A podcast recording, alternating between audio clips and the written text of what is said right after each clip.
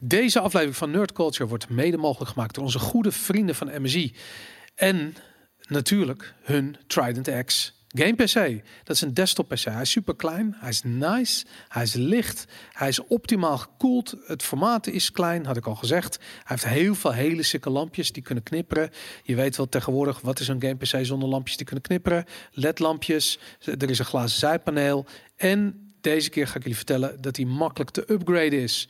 Want in tegenstelling tot de meeste PC's die je op je desktop zet, kan je deze gewoon heel makkelijk openklikken, eventjes de videokaart eruit halen en bijvoorbeeld een nieuwere videokaart erin steken. Niet dat je dat nu nodig hebt, want er zitten circa 2080 videokaart in als je het vetste model hebt. Goed, als je dat vette model in huis haalt of sowieso een Trident X, krijg je er een gaming chair van MSI bij cadeau.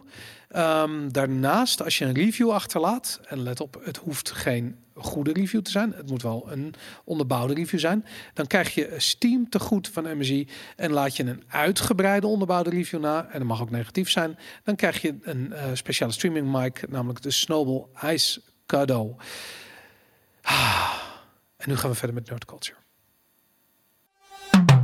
You are listening to Nerd Culture, a Game Kings podcast.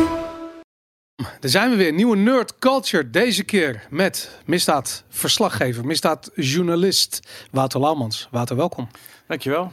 Ik vind het, ik, voor mijn gevoel is dit een beetje een, ehm, een, een, hoe noem je het? Een vervolg op een gesprek wat we, ik denk een jaar of twee, drie geleden hebben gevoerd bij Café Weltsmerts. Dat klopt, ja. Iets waar we nu niks meer mee te maken hebben, maar wat toen uh, ja, een soort van aanleiding was om, uh, om gesprekken te gaan voeren, eigenlijk podcastachtige content te maken. Ja, we hadden toen grootse plannen om echt interviews te gaan doen met zeg maar misdadigers of mensen die daar in de misdaadbestrijding zaten of advocaten, uh, zelfs officieren. We hadden grootste plannen destijds, maar het is helaas niet van de grond La, laten we het bespreken. Een van onze, jouw eerste interview zou zijn met Martin Kok. Dat klopt, ja. Dat was het idee. Je kende Martin goed? En, ik kende Martin goed, of ik had veel contact met hem en ik had hem gevraagd van, wil jij ik, ik ben hiermee bezig. Wil jij eigenlijk uh, de eerste gast zijn uh, in, dit, uh, in dit, zeg maar, ja, in, in deze format, vid video podcast, zeg maar. En, ja. en dat wilde hij. Hij had, hij had toegezegd. het werd toen op het laatste moment eigenlijk een soort half afgezegd of er was geen plek, althans, dus zoiets werd me verteld. Ja, de producent durfde het niet aan. De, ja, de of de producent durfde het niet aan. En uh, nou, toen werd er wel gezegd, we doen het op een later tijdstip. Oké. En toen had ik zoiets, ah ja, oké, jammer. en een dag later werd Martin Kok doodgeschoten. Volgens mij echt een dag later. Een dag nadat het, ja. de opname gepland was. Ja. Ook. Want wij deden de opnames in onze studio, inderdaad. En voor de mensen die dat niet weten, Martin Kok was een eerste crimineel die misdaadjournalist werd.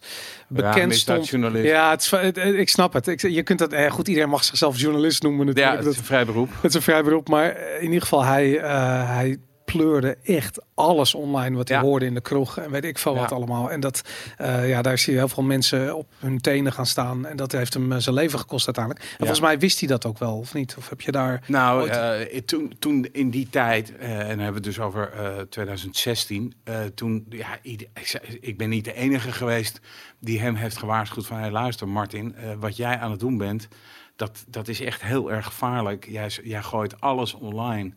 Uh, foto's online. Uh, en daarnaast ga jij uh, ruzie zoeken ook. een soort kroegruzie zoeken met, met mensen. Met iedereen. Zeg maar. Ja, met wie, ja met, van advocaten, maar, maar ook met, met, met zware misdadigers. en ja, of dat nou zo verstandig was. Maar ik ben niet de enige geweest die hem heeft gewaarschuwd. De, heel veel collega's van mij hebben ook gezegd van... luister Martin, als je hiermee door, doorgaat... dan is het gewoon een kwestie van tijd voordat je voordat, uh, voordat ze je eraf halen. Ja. Uh, en um, nou, dat, dat was toen ook eigenlijk al aan de orde. Want die, de zomer voordat wij dat interview zouden hebben... Uh, is er ook een bom onder zijn auto geplakt. En ik heb wel eens iemand gesproken van het, van het NFI... Die, of van de EOD, van de explosieve opruimingsdienst... die ja. die bom destijds tot ontploffing heeft gebracht. Nou, die zei echt de motorkap van die auto die lag buiten dat gebied waar ze zeg maar. Ja, dat was een goede. Ja. ja, het was echt een gigantische bom. Dus toen heeft hij al heel erg veel geluk gehad. Wow, en hoe is hij daarachter gekomen dat die bom daar... eh, Hij zat, ja, eh, dat was ook weer echt iets uh, uh, Martin Kok-achtigs. Hij zat in het café, zoals hij zelf zei, te hoeren en te snoeren. en toen zag hij, liep hij naar buiten en toen zag hij een flikkerend lampje onder, de, uh, onder zijn auto. En ja. toen had hij zoiets, dit is een, uh, een bom. En toen heeft hij de politie gebeld. En inderdaad, er zat dus een heel, heel zwaar explosief onder die auto. En, maar hebben die flikkerende lampjes? Nou ja, Van alle het, dingen die op een bom zou ja, verwachten. Zijn nou ja, sirenes of flikkerende lampjes. Het was een soort, soort, ja, hoe zeg je dat? Uh, ijzerpakketje. En ik heb later begrepen dat, dat er zaten zulke sterke magneten onder. Dat dat ding op het moment dat je hem bij staal houdt klampt dat ding zich daar gelijk aan vast. Dus hij had wat verder gemoeten. Nou ja, uh, Mar ja, Martins geluk is dat dat dus niet gebeurt. Of ja. toen zijn geluk is geweest dat dat toen niet gebeurd is. Ja, Jesus Christ. Hey, en um, uh, jij, bent, jij bent echt misdaadjournalist. Zo, maar even te zeggen, je bent dat al jaren. Ja, ja, ja. Um, ik, ik, bedoel, het bizar is, we kennen elkaar uit de tijd dat je ook nog over videogames schreef. Dat klopt, Onder andere ja. voor de nieuwe revue. En we zagen elkaar wel eens op persstrip, en ja, weet ik het. Dat klopt, en, dat uh, klopt. en dat was eigenlijk voordat je die beweging die kant op maakte. Nou, ik, ik, schreef toen al, ik schreef toen ook al over misdaad, maar uh, ik had zoiets van. Ik, uh, ik vond het zeg maar, ze zochten toen iemand die over games wilde schrijven. Ik vond het toen best wel leuk. Ja. Ik vond de industrie interessant, omdat ik dacht van nou, dat is eigenlijk iets wat vergelijkbaar dan wel veel groter is dan de filmindustrie. Uh, en, en wat voor gasten zijn dat? Het had iets rock'n'rollerigs. En het was ook wel een soort verademing om over zaken te schrijven waarbij mensen zeggen: hey, wat leuk dat je langskomt en dat je hier met ons over iets wil praten. In de plaats van uh, over misdaad, waar dat toch, toch vaak altijd wat moeilijkere gesprekken zijn. En dat, ja, het was een soort wereld die voor me open ging. En ik, ik vond het ook echt. Ik vond schrijven over videogames echt wel heel interessant. Alleen ik, ja, ik moest wel wennen ook aan de mores in dat genre. Dus uh, ik ben ooit een keer met uh, uh, Rockstar Games mee geweest naar Los Angeles voor een videogame. L.A. Noir heette dat. Ja. En, dat, um, en toen... Daar zijn we ook geweest toen. Ja, Vol, ik, ik, volgens mij zijn wij niet samen geweest. Ik ben toen met een Belg, Bart Kop. Oh ja, was ja, daar ja, ook bij. Uh, en toen op een gegeven moment hadden we zo'n feest dan in zo'n heel vet hotel.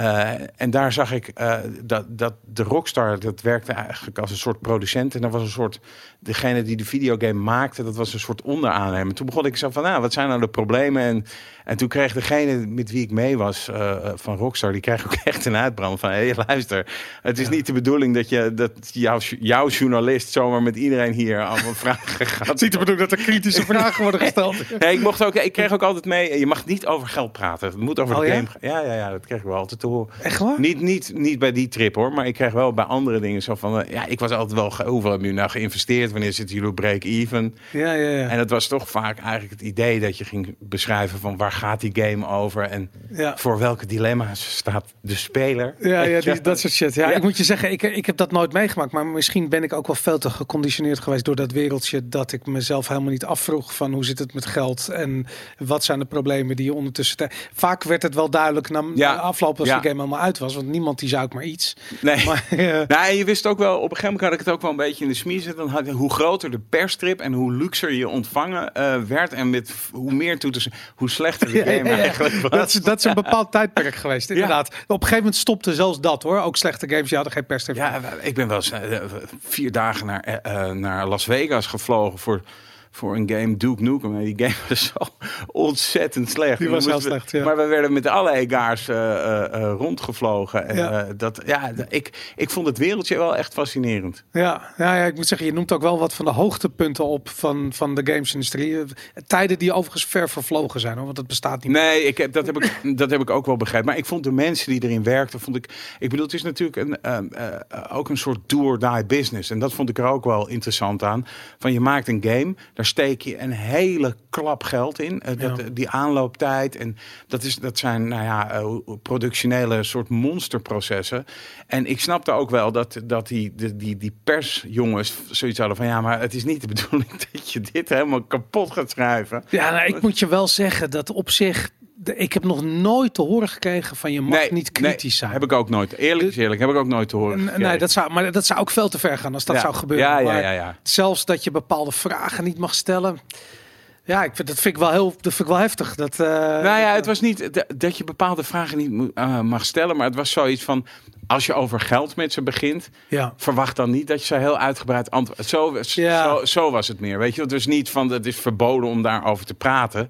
Maar als je eh, van nou, hoe, hoe zien jullie deze game en wat denken jullie dat de revenues zullen zijn en jullie hoeveel hebben jullie er dan in geïnvesteerd en hoe zit dat? Veel van die bedrijven waren inmiddels ook beursgenoteerd. Daarom, ja. En dat dan, is dan ga je gelijk al een slippery slope op, waarbij iedereen eh, door zijn deodorant schiet als je daarover begint te, te emmeren. Weet je. Ja. Dat is, ja, dat, en, en, en dat ken je natuurlijk ook van. eh, ik ben ook wel eens op een perstrip geweest voor een, voor een auto. Ja, Ja. Dat was nog veel bizarder. Ja, ja, ja, wat dat ik. daar afspeelt.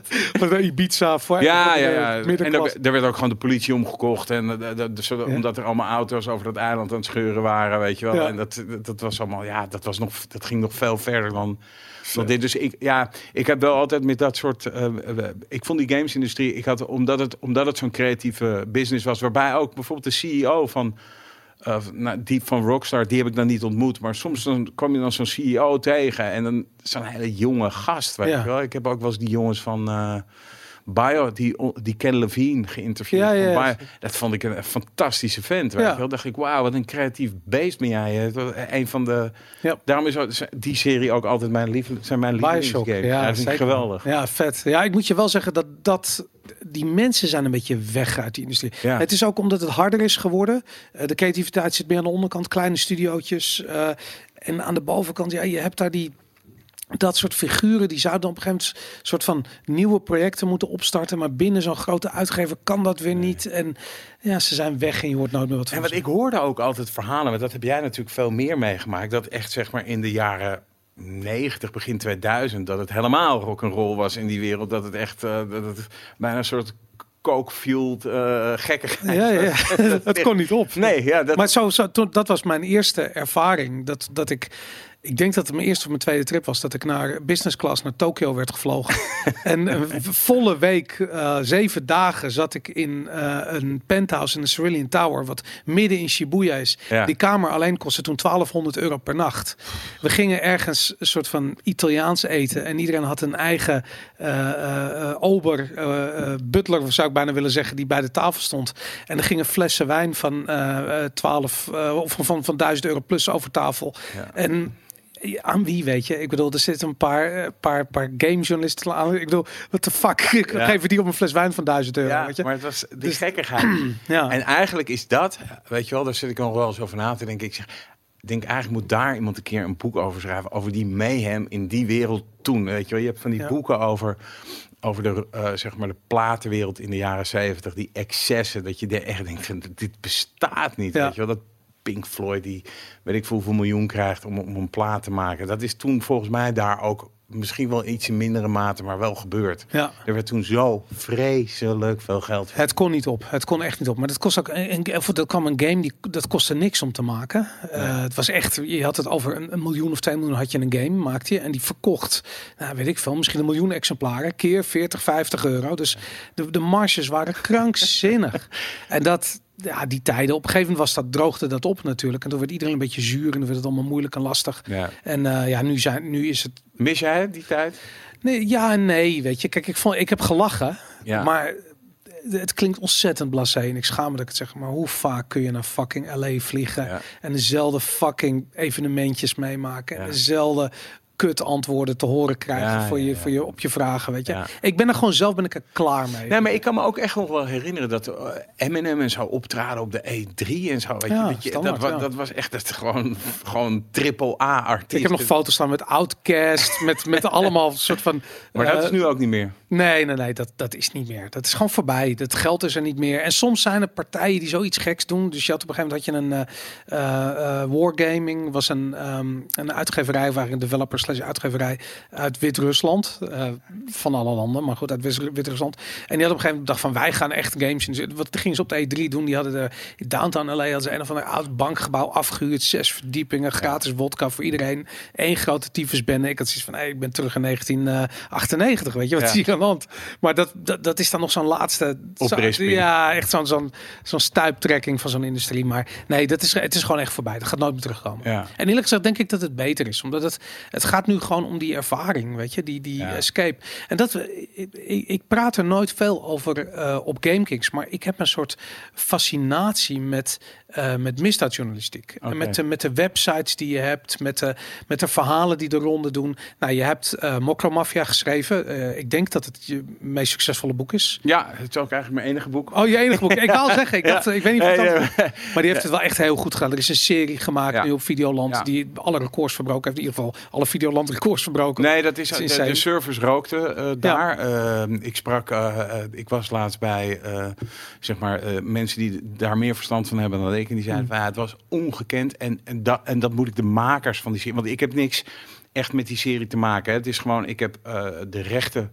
Eh, van ons boek, want ik heb dat boek natuurlijk geschreven met Marijn Schrijver. eh, Uh-huh. Die hebben wij verkocht Ja. aan, aan de makers. eh, en dat waren RTL-producties of zoiets. Thuis en Ahmed Akabi. Ja. En ik heb eigenlijk tegen hun gezegd, hebben gezegd van, luister, wij, als wij het, wij gaan ons er niet mee bemoeien. Jullie hebben nu de rechten. Ja. Dit is onze hele mooie sportauto. Please rijden voorzichtig mee. Vind je dat ze voorzichtig hebben gereden? Eh, nou, ik, ik, vind, ik, wat ik waanzinnig knap vind aan die serie is dat eh, zij iets gedaan hebben waar de publieke omroep niet in geslaagd is, waar eigenlijk geen enkele omroep tot nu toe eh, volgens mij in geslaagd was. Dat is namelijk dat ze jong middelbare schoolpubliek die heeft dit, die kijken dit massaal. Ja. Die zijn massaal dit gaan kijken. En dat betekent dus dat dat in hun leefwereld eh, zit. Waarmee ik eigenlijk altijd al denk van ja, eh, eh, publieke omroep, dit is wel zo'n gemiste kans. Want als, als, eh, als er één, eh, zeg maar, je, je probeert de hele tijd die jonge lui eh, aan je tv weg te trekken van YouTube, weg te trekken van Netflix. En ja, Ja. RTL, Ahmed Akabi en Thijs Reumer, die flikken dat gewoon. Ja. Terwijl eigenlijk kan je zeggen van ja, is dat niet een taak voor de publieke omroep? Ja, ik, ik vraag me af of de publieke omroep nog wel in staat is om eh, te vernieuwen of überhaupt Nou ja, met de, luizenmoeder doen, ja, met de luizenmoeder doen ze dat dan Ja. heel goed. Eh, en, maar je ziet eh, dat ze eh, qua misdaad, series, toch eigenlijk nog een beetje eh, in, in, in dat Holleder tijdperk hangen. Eh, eh, en eh, de, nieuwe, de nieuwe guys on the block, zou ik maar zeggen, die worden nog niet...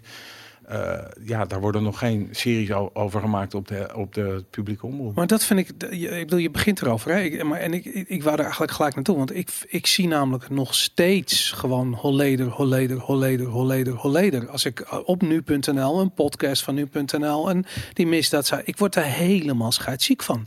En het is niet dat het niet interessant is, fijn, maar het was Dat is lang geleden. lang ja. fucking lang geleden. We hebben het over jaren 90, begin 2000, weet je. Ik bedoel, wat de fuck? Er wordt gisteren wordt er in de Linnéestraat een koffieshop eh, opgeblazen. Wat is er aan de hand in de stad? Ja. Wat heeft dat met Holleder te maken? Weet je? Nee, niks. Daarom. Dus ik bedoel, Nee, kijk, Holleder is natuurlijk. Kijk, eh, eh, er is een, een, een- je hebt het, het tijdperk Bruinsma, zou ik maar zeggen. En dan volgt het tijdperk van de zogenaamde Hollandse netwerken. Dus dat zijn een beetje de uitlopers van die. heet dat niet uit de Delta? Delta Ja, Delta Syndicaat. Het zijn allemaal Octopus. En er zijn allemaal, allemaal eh, spannende namen. Eh, Ik zeg maar, in, de, in, de, in justitiekringen worden dat de Hollandse eh, netwerken genoemd. Dus Cor, Jan, Ja. weet je wel, de, de, de, jongens van de gestampte pot. Ja. Ja, en kijk, Willem Holleder is daar een soort, soort met van super exponent van. En die is, die is ook, ja, die is larger than life geworden. En wat zijn, wat, kijk, wat zijn verhaal natuurlijk wel interessant maakt, is dat, dat verhaal dat gaat over eh, eh, eh, bloedgabbers die samen een biermagnaat ontvoeren, die later dan ruzie krijgen. En ja, het is natuurlijk wel een soort Het is een jongensboek op een bepaalde manier. ja, het is een film. Het, Ja. is, het, het is, weet je wel, en ook als je dat boek van, van Astrid Holleder dan leest, dan denk Ja. je, mijn god, wat, wat, wat is dit voor, voor een familietragedie? en dat boek verkoopt dus ook internationaal heel goed, omdat het dus een snaar raakt. Ja. Een soort universele snaar. Wat als jouw broer Ja. of jouw uh, zoon de, de, de, maffiabaas is? Wat, wat, wat, wat gebeurt er dan? En Ja. dat wil iedereen natuurlijk wel weten. En daarom is die... die Ja, die vertaalslag is al. Maar dat is zo interessant. Ik bedoel, jij vertolkt zo'n vertaalslag. Weet je, als je Mokromafia schrijft, als Ja. je je artikelen schrijft, je bent eigenlijk de hele tijd een wereld aan het vertalen Ja. naar mensen die het spannend vinden om mee te kijken, maar daar het liefst zo ver mogelijk van willen blijven. Ja. Ehm, hoe, wat is dat voor fascinatie? Waar komt dat vandaan? Bij mij. Ja, of, of Ja. ook bij, bij je publiek. Nou, eh, eh, nou ik, kan, ik weet niet, voor mijn publiek kan, kan ik eh, niet spreken, maar ik weet wel waar het bij mij vandaan komt. Kijk, ik, ehm, ik, ik ging vroeger in Amsterdam eh, eh, naar de middelbare school en daar, had, je- daar had je, zat je met een aantal jongetjes zat je in een klas. En dan eh, hadden ze het op een gegeven moment, weet je wel, dan heb je het over de jongens die bij Ajax voetballen. En dan zijn er, waren wat jongens die aan het rappen waren. We hebben het over eind jaren tachtig, hè. maar er was ook, eh, er gingen ook verhalen over soort gasten die, waar iedereen bang voor was in de stad. En dat Ja. waren gewoon een soort met van, ja, een soort gasten die in straatbendes zaten. En daar had iedereen een soort met van ontzag voor. En ik had altijd zoiets, wat zijn dat voor gasten? En weet je wel, de, zeg maar, de jongens waar je vroeger eh, omheen liep op de kermis. Bij de boksbosstanden en bij de, en, bij de, en bij de... Wie zijn dat dan? En wat doen die dan? En dan hoorde je allemaal verhalen over... En dat fascineerde mij altijd. Dat ik dacht, wat, wat zijn dat voor gasten dan? Die, die, eh, dan hoorde je van, ja, en die gozer die heeft al een overval gepleegd. En dan dacht ik altijd, wauw, wat, wat, wat is dat dan voor een gast? Hè? Dat die, en ik kom zelf uit een, uit een keurig, eh, beetje bekakt milieu. Maar dat, dat, dat vond ik fascinerend. Dat er dus mensen waren die gewoon een beetje buiten de samenleving opereerden. Of, of die, die gewoon scheid hadden aan alles, deden wat niet mocht. Ja, En, eh, en daar vaak ook mee wegkwamen. En daar ook een soort status aan ontleenden, weet je wel. Dus dat je, dat, dat werd wel, ja, hoe zeg je dat? Eh, het werd op sommige manieren wel een beetje stoer gevonden. Het waren jongens waar de hele stad dan toch wel beducht voor was. Als Ja. die, ja, nu, ze- nu zeg je weet, je, weet je wel, de politie ziet dat natuurlijk ook. En die, die, die hebben nu die patser aanpak van de jongens die smijten met geld. ja. Maar als ik bijvoorbeeld, ik, ik hou van eh, eh, vechtsport. Maar als ik naar een vechtsportgala ging vroeger, dan zat ik altijd alleen maar te kijken wat, wat gebeurt er aan die tafeltjes om die ring Ik snap heen. precies wat je bedoelt. Ja, want dat, daar gebeurt iets ja. In de schaduw wat niemand weet. Maar als je in de know bent, dan weet je het wel. Ja. Snap je? En ik wilde altijd, had ik zoiets van, ik wil weten wat daar gebeurt.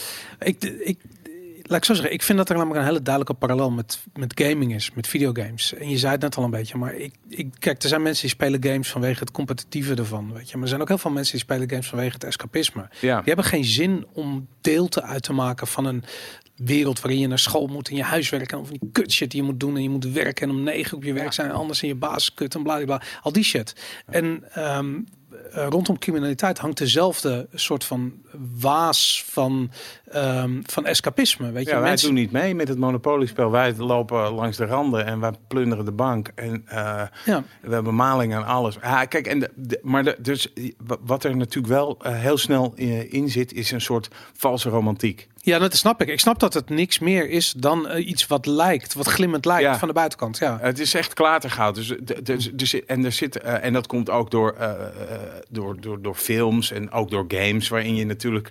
Ja, het is natuurlijk best leuk om de outlaw te spelen, snap Ja. je? Maar de outlaw te zijn, ja, ik sprak, ik sprak laatst iemand die heeft toch echt wel heel wat jaren in dat milieu meegedraaid. En die, die, ja, die verzuchtte ook echt zo van, iedereen met wie ik omging is dood. ja, ja, Iedereen tuurlijk. is Ja. dood. En, en degene die er, niet, die er nog wel zijn, die zijn of aan de drugs of die zitten vast. ja. Dus het is eigenlijk is het, het, het- is het een soort eh, wereld waar je een, een aantal jaar plankgas in kan gaan. Heel veel geld kan verdienen, heel ja, volop leeft. En aan het einde van de rit is er, ja, zijn er maar twee uitgangen. En dat is een, een doodskist en de gevangenis, weet je wel. Hoe komt dat? Ja, dat is de aard van het métier, hè? Het is de aard van het vak. Maar heb je niet... Ik, ik heb wel eens laten vertellen dat het in Nederland echt sterft van de huisvaders die er gewoon in het dorp waar ze wonen een beetje kook bij dealen, een beetje dit doen, een beetje dat doen, gewoon om die uitkeringen aan te vullen, wat plantjes op zolder hebben. Sterker nog, dat heel Nederland eigenlijk een soort van schaduweconomie heeft die verrassend groot is als we werkelijk zouden weten wat er aan de hand is. Maar niet dat je het nou hebt over keiharde criminelen, maar gewoon een soort van het is mogelijk om je uitkering aan te vullen met dat en het valt waarschijnlijk niet echt op en de kans dat je gepakt wordt is klein. Nou ja, kijk, eh, eh, of je, eh, kijk, ik weet niet als je ehm, natuurlijk op kleine schaal kook dealt, eh, of je dan, of de pakkans dan gigantisch is. vroeg of laat kom je gewoon in de, in de problemen. Altijd. Want er is een klant die niet betaalt. Of er is iemand anders die wil ook eh, dealen in die wijk. Dus vaak is het niet eens zozeer dat je, dat je de problemen, de, de grootste problemen eh, hebt van het justitiële apparaat. Maar gewoon van eigenlijk je collega's. Ja, dat is natuurlijk waar heel veel van die, van die beetje soort van wietkwekers die begonnen zijn als hippies Ja. tegenaan liepen. En die hadden iets van wow, ik moet wegwezen uit dit, deze business. Want het is nu alleen nog maar gasten die ja, Keihard zijn. keihard zijn. Ja, Ja, en het, het probleem is natuurlijk, kijk, in die onderwereld, hè, de- en dat is natuurlijk ook, het is gewoon echt een soort schaduwwereld, een, een parallele wereld. En in die onderwereld gelden gewoon andere regels. En er is bijvoorbeeld geen mediation. ja. Als je een conflict hebt in dat milieu, dan is, ja, daar, stel iemand stelt jou eh, handelswaar. Ja. Dan kan je niet naar de kantonrechter zeggen: Ja, luister, ik had eh 10 kilo wiet en ik had afgesproken dat hij mij dan dat bijna hij betaalt niet. ja, ja. Dus ja, dan kan je twee dingen doen. Eh, je kan eh, ten eerste je kan zeggen, nou ik laat het zitten en ik doe nooit meer zaken met diegene. Mhm. Eh, of je kan zeggen, ja, ik moet toch die centen he- hebben. En, Ja. en, eh, niet goed schiks, dan wel kwaad schiks. Wa- Wat is er veranderd? Want de, de periode waarover je, je vertelt, hè, dat jij waarschijnlijk op de lage... Ik denk dat we ongeveer even oud zijn, Ja. ben 45 nu. 44. Nou, en eh, in die periode, eh, weet je, ik bedoel, er gingen inderdaad, ik, ik herken dat heel erg, die verhalen die er waren over, over die en over dit en over coffeeshop die en daar, waar, weet ik veel wat gebeurde. Ehm, maar ehm, gasten werden niet neergeknald eh, om de week. Eh, er was niet de mate van geweld waarvan ik het idee heb dat het er nu is. In ieder geval niet dat ik me kan herinneren.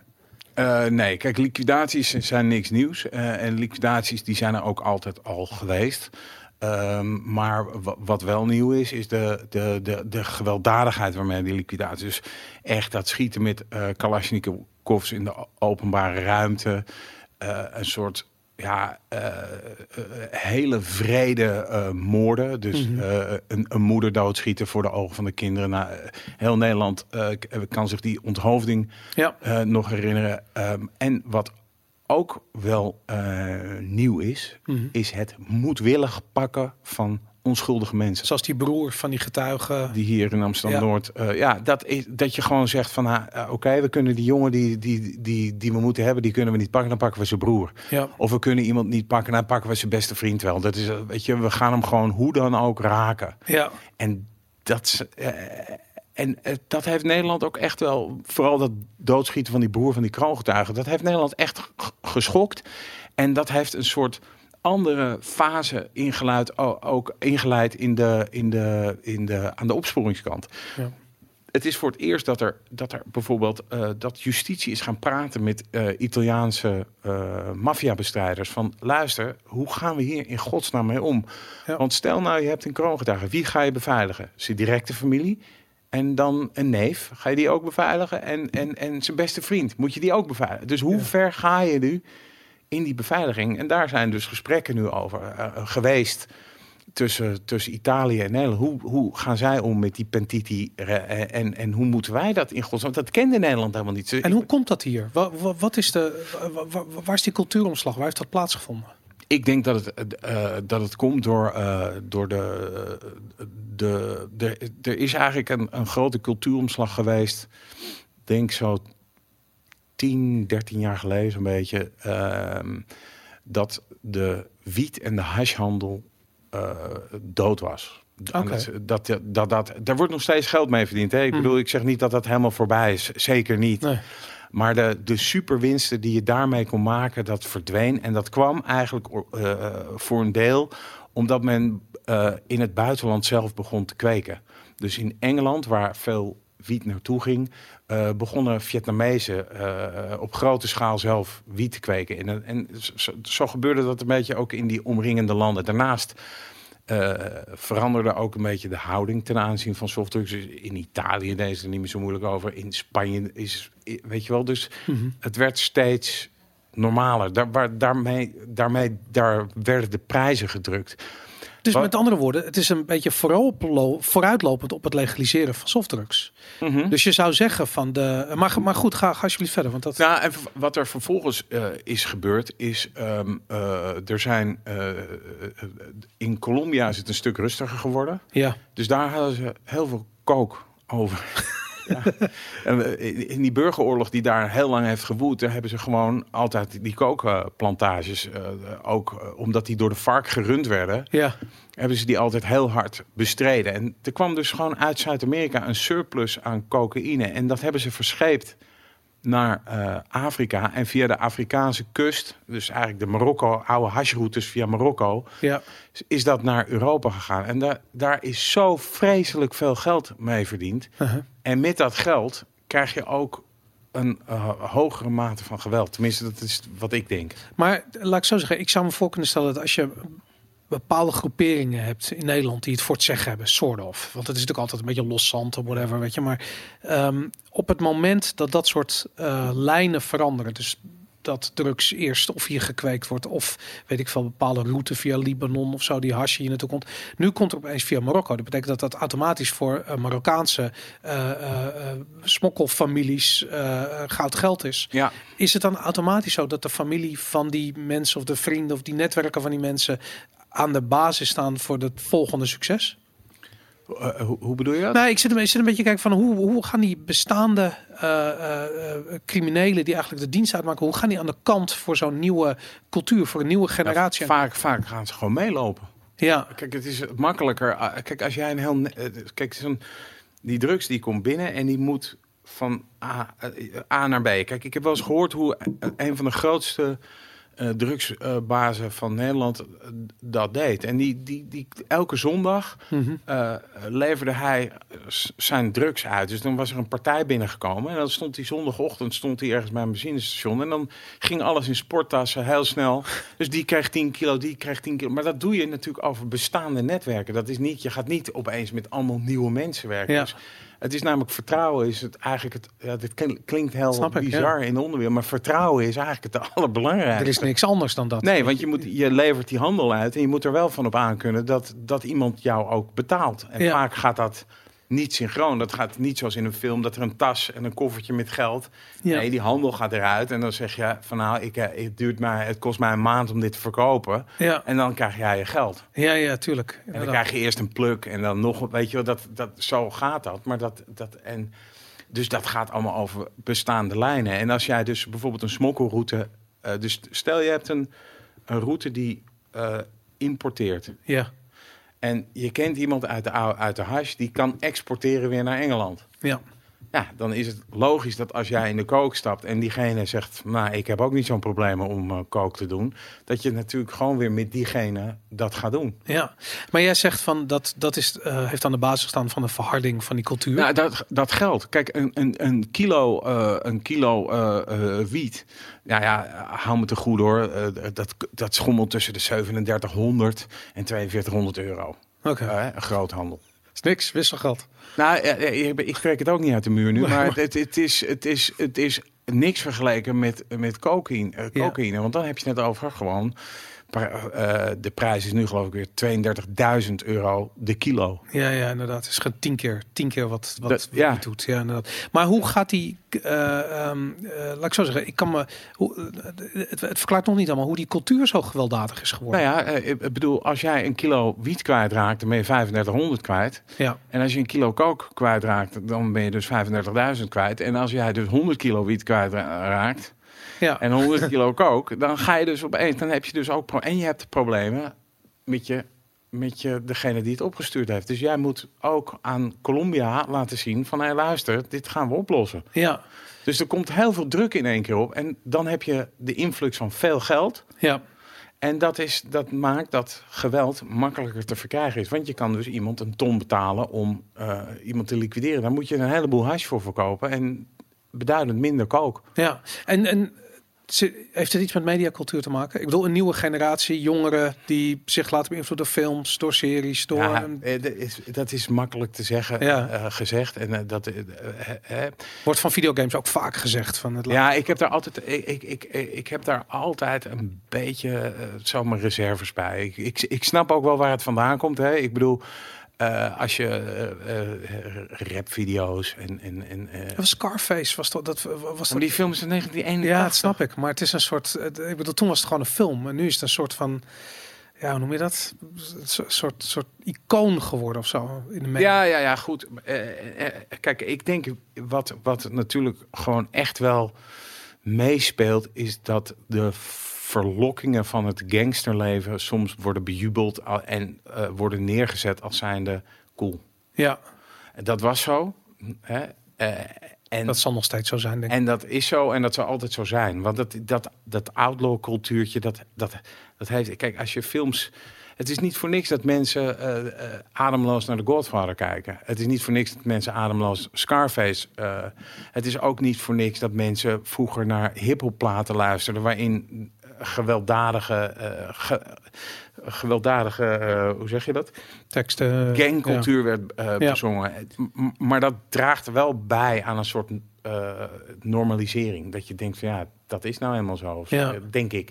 Maar als je ziet wie bijvoorbeeld de schutters zijn. eh, Uh-huh. eh, als je bij eh, rechtszaken zit. Ja, dan zie je toch, dat is vaak toch een bak ellende hoor. Dat je denkt van ja, is, eh, is, eh, zwak begaafd. Dat vooral, ja. Moeilijk, moeilijk uit jeugd. eh, Ja. niet mee kunnen komen in de maatschappij. Dan vallen voor de verlokkingen. Van, Ja. van, en niet kunnen overzien wat, wat, een, wat een moord met zich meebrengt. Niet kunnen overzien hoe bijvoorbeeld bewijs werkt. Maar dat valt me zo op, want ik, ik, ben, ik ben slecht in namen, dat ben ik sowieso al. Maar ehm, eh, die, volgens mij is de schutter gepakt van die moord van die broer in Noord. Ja. En dat blijkt gewoon een of andere huisvader te zijn. Die gewoon in een woonwijkje woont. Met zijn bloemetjes en zijn fietsboodschappen doet. En weet ik veel wat. Ja, En- kijk, weet je, daar, daar, daar- dat, dat, dat eh, Of lijkt dat zo? Nou ja, Boris, heb je. Kijk, zo, er wordt dan ges- gesteld van. eh, eh, of hij, hij zegt van. Nou, ik heb nog nooit eerder zoiets gedaan. Mhm. Eh, ik ben benaderd door mensen. Ik kan niet zeggen wie, uit, omdat het gewoon te gevaarlijk is voor mezelf. Nou ja, goed, weet je, dat, dat wel, begrijp ja. ik wel. Mhm. Maar ik denk wel altijd aan de andere kant, denk ik van. als jij nou je auto laat maken. en iemand zegt. Boris, ik heb nog nooit een, eerder een auto gemaakt. Zou jij dat door diegene Ja, ja, doen? tuurlijk. Ja. Zou jij een maaltijd laten koken door iemand die zegt, hey, joh, ik kan helemaal niet, ik heb dat nog nooit, nog nooit. dus ja, ik heb daar, daar, maar dat zijn zeg maar zo mijn persoonlijke eh, gedachten. eh, Nou dat- wanneer zou je dat doen? Op het moment dat er niemand anders is die een auto kan repareren. En niemand anders die kan koken. En dat, dat, dat vraag ik kan me voorstellen dat er niet heel veel mensen zijn die bereid zijn om zoiets te doen. nee. En ik heb de, het idee namelijk ook, en ja, er zijn meerdere van die gasten, of gasten, er zijn meerdere gasten gepakt voor verschillende liquidaties. En iedere keer verbaast het me weer, weet je. Dan zie ik weer in de krant foto's van de voetbalclub waar ze op zitten. En Ja. terwijl je verwacht dat iemand inderdaad met die berg kookt, die Scarface lifestyle doet. Nee. Nee, man, het is gewoon dat. nee, maar je hoort ook de, de bedragen en dan weet je ja, wel, het is zo je- banaal als de pest. Ja, het is, het, het- het- kijk, en ook de, de mate waarin dan geld wordt opgemaakt. Dus stel nou, je krijgt 50.000 euro voor een, voor een eh, voor het doodschieten eh, van, iemand. Dat zijn wel bedragen die, die genoemd worden, 50, 60.000 euro. Mhm. En dan zie je waar, hoe, hoe bizar snel dat geld Ja, er doorheen gedraaid wordt. Ja. worden we- de Een paar weken feesten en klaar. ja, de PC Hoofdstraat wordt een keertje eh, een paar winkels leeggekocht, eh, eh, een paar keer uitgaan, eh, boetes af, af, aflossen en dan nog een horloge voor je vriendin. En het is wel weer klaar, weet je. wel. Het is dus, en als je dat dan gaat, eh, dat heb ik ook wel eens gezegd eh, bij een presentatie op een school, sla dat eens om naar de gevangenisstraf die je ervoor kan krijgen. Dus als je een enkelvoudige moord pleegt, Ja. daar staat gewoon 30 jaar voor. Ja. Hè? Of, of, nou ja, en dan heb je aftrekking, bla bla bla. Dus dan eh, kom je uiteindelijk op, op 20. twe- En je leven is een goed deel van je leven is klaar. Weet je. ja, nou ja, reken het even uit. eh, eh, Ja. v- 50.000 euro gedeeld door 20 jaar. Nou, dan heb je een jaarsalaris. Dan kan je beter vakken gaan vullen bij de Albert Heijn. En dan kan je ook nog af en toe in het park zitten. Ja, Snap inderdaad. Ja. Ja, Dus- dat- Ja, eh, en, maar ja, ze denken dan toch, eh, ik word niet gepakt. Eh, en, en die PGP-telefoons is natuurlijk daar een, eh, altijd, die heeft een jarenlang eigenlijk, hebben, ze, hebben mensen zich daardoor onaantastbaar ge- gewaand. Want ze konden eh, communiceren. Ja. communiceren met elkaar. En eh, ja, uiteindelijk hebben de slimmerikken van het NFI hebben eh, servers gekraakt. Nou, e- eerlijk gezegd, je kunt zeggen ze zijn slim. Ik, ik, ik heb, want dat vond ik, ik vind die techniek heel erg interessant. Ja, En eh, die jongen die dat opgezet heeft, die heeft dat op een manier opgezet dat ik echt zoiets heb van dat, dat doe je niet. Weet je, ik bedoel, als je, als je als je hele eh, argument is van eh, hoe noem je het? 100% ge, ja, ge- encrypte communicatie. Wat je niet wil, is dat iemand toegang heeft tot die sleutels. En wat je helemaal niet doet, is dat opslaan ergens op één ser, op één centrale plek. Ja. Dus een kwestie van tijd voordat, voordat, ja, voordat dat. Nee, maar dat is, ik bedoel, kijk, dan zie je toch dat uiteindelijk de zwakste schakel in zo'n is, is toch weer de mens. Ja. Eh, en ja, maar als je dan eh, die PGP-communicatie leest, Mhm. ja, holy moly man, dat is, dat is echt, dat is gewoon, weet je wel, in retro, eh, retro afluisteren. Ze praten daar alsof ze gewoon, eh, ja, ze wanen zich echt onbespied. Ja. En dat, dat, dat, gaat, dat, is een, wel een, dat zijn hele kille, koude gesprekken hoor, die daar Ja. over mensen. En dan ga, is hij dood? Nou, ga even kijken of hij dood is. En heb je hem wel goed geraakt? Dat, dat je echt denkt van, wauw, je hebt gewoon iemand neer, je Ja. hebt gewoon iemand doodgeschoten. Hè? Ja. ja, dat is het bizarre. Dat, dat, laat ik, zeggen, ik, ik, ik kan me niet voorstellen namelijk dat je op een gegeven moment ehm, in een... ehm, ja, weet, je, er zijn heel veel van die, van die, van, van die eh, voorbeelden waarbij je, eh, vooral in de artikelen die erover geschreven worden, direct geconfronteerd wordt met de gevolgen van wat er gebeurd is. Er zit bijvoorbeeld een kind, eh, ehm, eh, ik, redelijk dichtbij in een omgeving is de moord op Jordi. Ja. Eh, vergismoord. Dramatisch. eh. Ja, dan moeten we het ook even over, de vergismoorden. Maar eh, dat heb ik. Ik bedoel, ik ken hem niet persoonlijk, maar in mijn omgeving, het was redelijk dicht bij huis. Dus ik zie wat dat voor impact heeft Ja, gehad. Weet je, En, eh, dat is, het is niet met woorden te beschrijven. Weet je, en dat ik Nee. denk gewoon van ja, de, ehm, het, de, als je die camerabeelden ziet Ja. en de, de nonchalance waarmee gasten gewoon weglopen ervan. Ja. Ja, ja ik, ik, ik, ik kan daar niet zoveel. Ik kan dat niet plaatsen. Het lijkt op een videogame. Dat is het rare. Het doet me aan een videogame denken.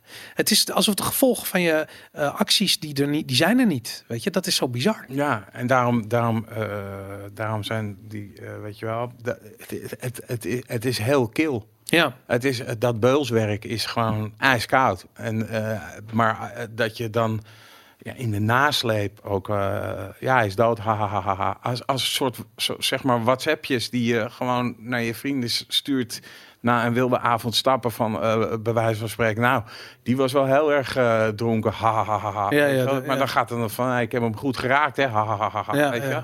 En, en dat is één kant. Mhm. Want die, en dan spreek je later mensen in de omgeving van die jongens. ja. En die zeggen, ja, hij deed geen oog meer dicht. Ja, tuurlijk. dus eh, het is dus niet zo zwart-wit. Het raakt, eh, eh, dit kun je niet doen als je, als je gewoon nog enigszins goed bij je hoofd bent. Als je Ja. een normaal gewetensfunctie hebt, Ja, ja. dan, dan kan je dit niet doen zonder dat je daar later last van krijgt. Ja, bizar man. Hey, en de, ehm, laat ik zo zeggen, je hebt Mafia geschreven. Ja. En eh, je was eigenlijk de eerste die daarmee een volledig nieuwe misdaadcultuur in Nederland in kaart bracht. Ik bedoel, er waren wel artikelen en Ja.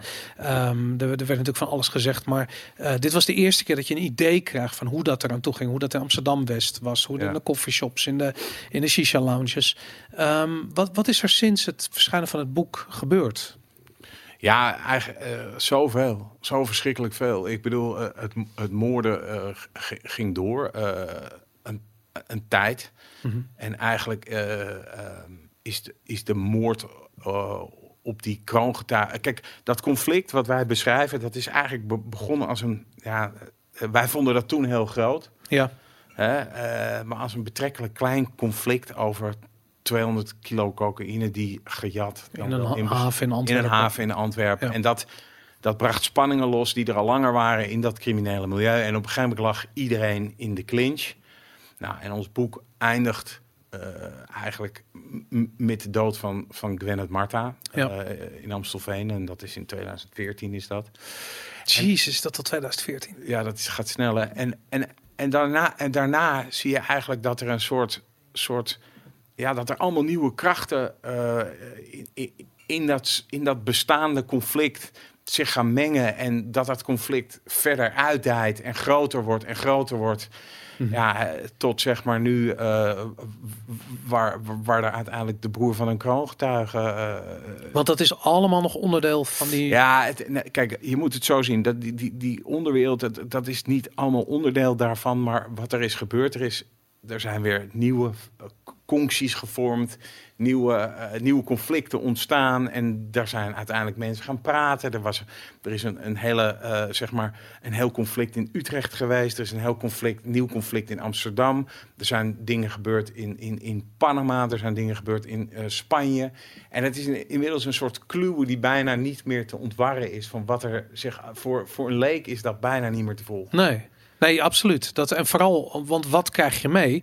Er is iets gebeurd daar verschijnt een artikeltje. Ja. En het is bijna onmogelijk om te plaatsen. En dat vind ik zo eh, fascinerend. Na de dood van Martin Kok vond ik dat de misdaadsites die er waren, die vielen echt schrikbarend terug in content. Ja. Eh, ik, ik heb het idee dat er gewoon een aantal sites waren die echt door hem gevoed werden, eh, eh, waar voor informatie van hem vandaan kwam. Ja, hij, pla- hij praatte gewoon zonder. Kijk, wat hij deed, hij praatte natuurlijk gewoon zonder enige terughoudendheid. Ja, Maar, eh, en de- dat bedoel ik niet dat je met mail in de mond moet praten over, over, over misdaad.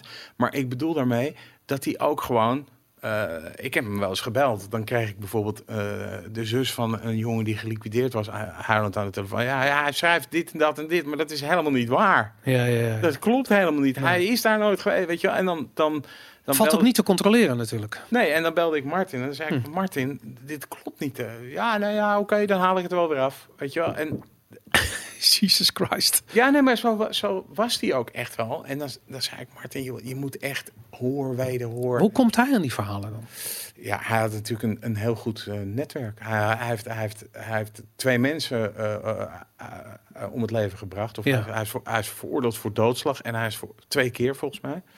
Hij heeft eerst heeft hij in Volendam eh, iemand met een barkruk doodgeslagen. En toen hij daar een aantal jaar weer voor vrij was, eh, toen heeft hij eh, de e- nieuw, ja, nieuwe- nieuwe vriend van zijn ex of van zijn ex eh, Ja. doodgeschoten. Ja, Dus hij heeft heel wat jaren achter de bouten gezeten. En daar kende hij natuurlijk gewoon heel veel mensen van. Die hem, kijk, die bias, dat is natuurlijk eigenlijk altijd een grote. eh, ja. ja, een, een netwerkbijeenkomst. Zo heb ik het nooit bekeken, maar inderdaad waarschijnlijk wel. Ja, Ja, ja. natuurlijk. Iedereen Dus, eh, kent eh, mensen die veel eh, lang in de gevangenis ge- gezeten hebben. En ook op meerdere eh, plekken. Die kennen, ja, zo leer je natuurlijk heel snel Ja, de onderwereld kennen. ja, dat denk ik ook inderdaad. En Martin heeft lange straffen afge- uitgezeten. En eh, ja, dat, eh, ook terecht voor de verschrikkelijke. Hij heeft natuurlijk verschrikkelijke dingen eh, gedaan. Ja. En eh, ik denk dat hij daar toch wel echt een heel goed netwerk aan over heeft gehouden. Hey, dan even terug naar Mokromafia. Ik bedoel, hoe, hoe pas je hoor wederhoor toe eh, in zo'n conflict? Waarbij iedereen zegt van hij heeft het gedaan, hij heeft het gedaan. Hij heeft het gedaan. In ook een cultuur, Marokkaanse cultuur, waarin over het algemeen over de doden niets dan goeds. Niemand heeft ook maar iets gedaan. Ehm, en aan de andere kant wordt er heel erg gepocht met wat iedereen gedaan heeft. Dus Ja, ja, kijk, je, je kon, kijk, je, we hebben ook heel veel dingen gewoon niet opgeschreven, omdat we die niet konden eh, verifiëren. oké, Dus er zijn hele, hele hoofdstukken zijn gewoon niet meegegaan, omdat we zoiets hadden van ja, dit, dit kunnen we niet zo ja. opschrijven. En, en, en, eh, Ook niet dingen die achteraf, na publicatie, nog een keertje duidelijk werden dat ze wel waren gebeurd. Of, of Ja, dat wel, maar we hadden gewoon zoiets. Ja, dit is, dit is dan het, dit is hoe het is.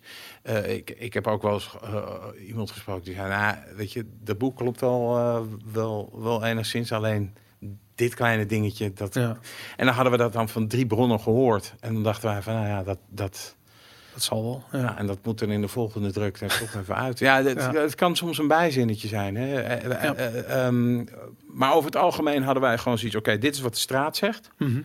Wat, zegt de, wat zeggen ze bij de politie en wat zegt de, wat zeggen, wat zegt de advocatuur? Dat Ja. is een beetje de drie-eenheid waarin je zeg maar...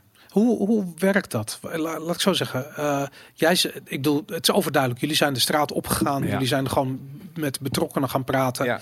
Ehm, ik weet ook dat er, eh, eh, laat ik zo, er zijn ook misdaadjournalisten waarvan ik het idee heb, die krijgen hun, hun informatie juist meer vanuit de, het OM en vanuit de politie. Ja. Ehm, hoe, hoe werkt dit wereldje? Ehm, eh, vertrouwen komt voet en gaat paard. dat is een hele... Hè? Ja. Dus, dus één keer eh, eh, een uitgeleider en je kan altijd voor altijd oprotten. Maar dat betekent dat je één keer iets publiceert waarover afgesproken was dat er niet over geschreven zou worden. Nee, nee, nee, nee. Het is meer fouten. Als je echt fouten, eh, weet je wel, ja.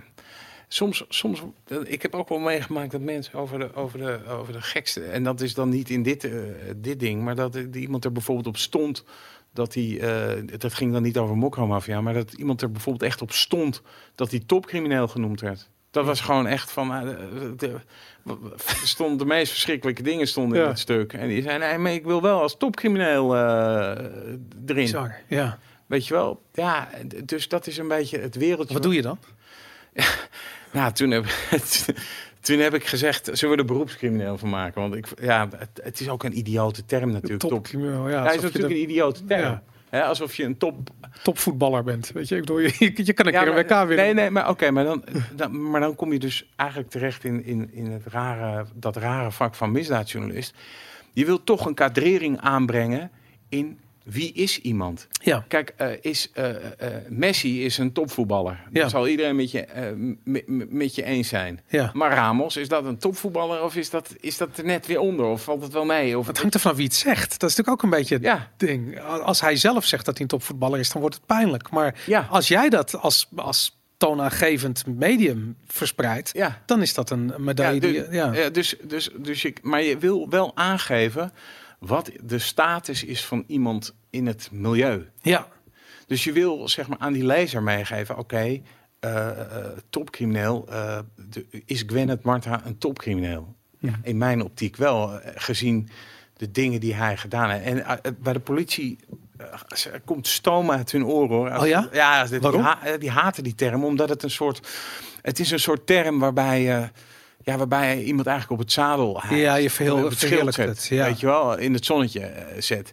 En, maar daar is het niet voor bedoeld. Het is meer om aan te geven wat de positie is van iemand in die hele eh, rare, diffuse onderwereld, waarin eigenlijk niks is wat het lijkt. En hoe, wat, wat, wat, wat is iemand daar nou? Als iemand doodgeschoten wordt, is dat een kleine krabbelaar? Of is dat een, een, een toonaangevend eh, figuur? Vroeger werkte ik eh, bij AT5, Mhm. de lokale Amsterdamse zender. Ja, en je wist wel dat als er bijvoorbeeld in de Cornelis Schuitstraat iemand doodgeschoten werd, dat was vaak wel van een andere orde dan wanneer er iemand. in Zuidoost in de Ja, flat. eh, ja. Ja, ja. Hey, maar dat, eh, want dat vind ik heel interessant. Ik kan me namelijk ook voorstellen vanuit het eh mediaperspectief. Als jij een artikel eh, schrijft over Pietje en die heeft iets geflikt en je zegt het is een kleine krabbelaar, of je zegt van hij is een topcrimineel. In het laatste geval, ja, ja, jij verkoopt je artikel, de, Ja. het blad verkoopt opeens heel erg goed. ik had dat op een gegeven moment. ehm, ik, ik, ik, denk, ik denk dat Panorama was. En ik ben niet meer zo van de bladen op zich. Maar Panorama schrijft veel over misdaad. En daar zag je op een gegeven moment echt van. Het, er kon niet een week voorbij. Er stond wel weer een nieuwe motorbende. En de een was nog groter en gevaarlijker dan de ander. Ja. En ik had echt zoiets van. Ja, het, het, het wordt ook verzonnen waar je bij staat. Heb ik gedaan. Misschien dat de feiten niet verzonnen zijn. Ja. Maar de. de Nee, maar daar kom je natuurlijk, daar raak je natuurlijk een, een gevoelig, gevoelig punt. Dat, dat, dat je eigenlijk, kijk, als je, als je eh, serieus eh, ju- journalistiek. Kijk, eh, Paul Vugts, eh Uh-huh. parooljournalist, die zegt altijd: als je fluistert, luisteren ze beter. en dat, vind- daar zit wel iets in. Snap Ja. je? Dus als je van de daken schreeuwt, vaak als je de feiten gewoon eh, zo als een soort notulist opschrijft. En, eh, en, en stel je hebt bijvoorbeeld een PGP-gesprek en je schrijft gewoon dit en dat. En, dan komt dat veel harder binnen dan wanneer je met eh, superlatieve, Ja. eh, met heel veel bijvoeglijke naamwoorden eh, je tekst op aan het de, de verschrikkelijke, weet je wel. Ja, het, het, dat Nou ja, het, is, het, lijkt ook, het is ook geloofwaardiger. Omdat je, eh, laat ik zeggen, je gebruikt alleen maar. Als ik tegen jou gezegd van ik ga je nu iets zoiets grappigs vertellen. ja. Ja, ten eerste, de, de, de verwachting die je hebt maakt Ja. al dat het nooit zo grappig gaat zijn als, eh, eh, als je misschien zou denken. En Ja. aan de andere kant, het is een zwaktebod. Want als ik zeg van Ja. Wouter moet je nou horen, weet je. En ik vertel je het verhaal en het is grappig of niet grappig, whatever, weet je. Maar inderdaad, die verwachting scheppen, het grijpt even je aandacht. Ja. Maar het Ja, maar die, die zakelijkheid, dat is ook iets wat je misschien, ja, ik weet niet wat je wel dan met de jaren een beetje leert of zo, als je zelf wat rustiger bent. Maar dat, laat ik zo zeggen, want ik vind namelijk in het hele boek Mokromafia hebben jullie dat steeds gedaan. Het was heel feitelijk. Ik vond het heel erg een soort van, ik kom hier, eh, ik word of, of eigenlijk voorgesteld aan een, een, eh, acteur of iemand in dat boek, niet letterlijk een acteur, Ja. maar er wordt iemand aan me voorgesteld en die er wordt even wat geschetst van zijn van, van zijn geschiedenis, hoe die is opgegroeid, vervolgens de rol die die speelt. bij alles is het heel feitelijk, behalve bij de titel. Want daarbij had ik echt zoiets van, maar hier wordt opeens iets neerge... Hier, ik weet niet hoe groot dit is. Ik bedoel, dat, dat Mokramaf is het eerste boek wat ik gelezen heb... wat over de Marokkaanse maffia gaat. Eh, bestaat er zoiets als de Marokkaanse maffia? Of niet? Of wel? Of is dit een panorama? Of niet? Dus Ja. ik, zei, ik heb er echt Ik, even eh, over nadenken. Ja, ja, je bent niet de enige. Eh, ehm, ehm, die titel, dat is mijn eh, bedenksel. Het is heel succesvol bedenksel, dat sowieso. Ja, zeker. Het is nu, het is nu, het is nu een woord bijna. Ja. Een soort Nee, het is een begrip geworden, absoluut. Ja.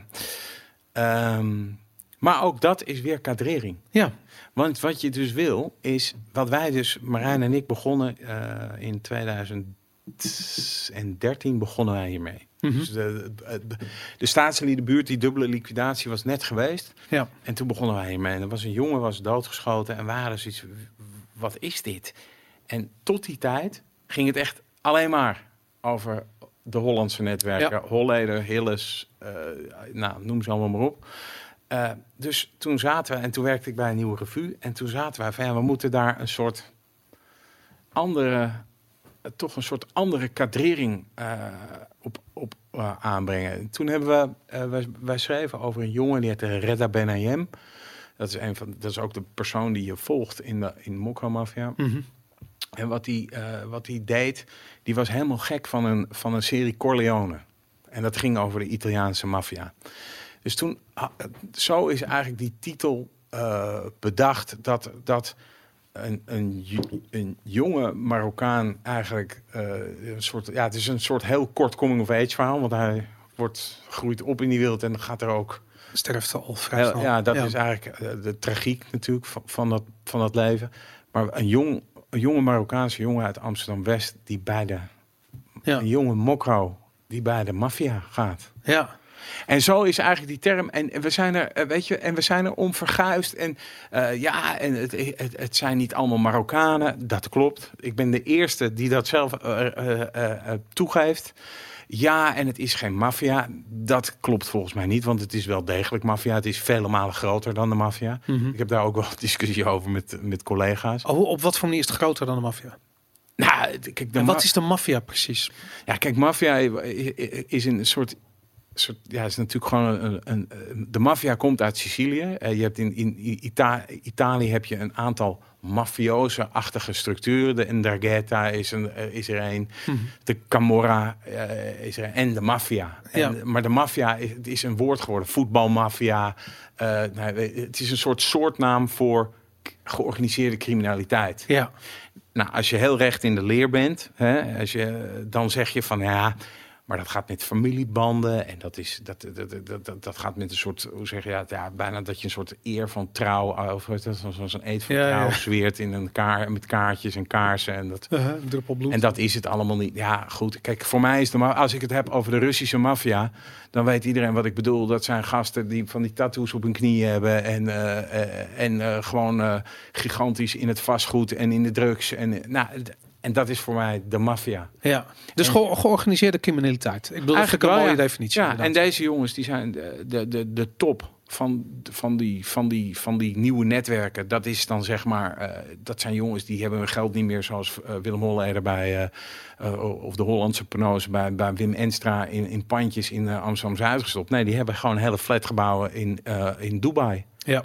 En Dus dat geld, dat geld, dat geld dat ga- gaat ook uit het zicht van justitie. Dus het, die kook die gaat van Colombia via Afrika of Spanje of Antwerpen, die gaat naar Nederland, die wordt verhandeld en dat geld dat gaat gelijk weer naar het buitenland. ja. Dus ja, en dan kun je zeggen, ja, het is geen maffia, ja, dat, dat, maar dat zijn allemaal semantische, dat is allemaal semantiek.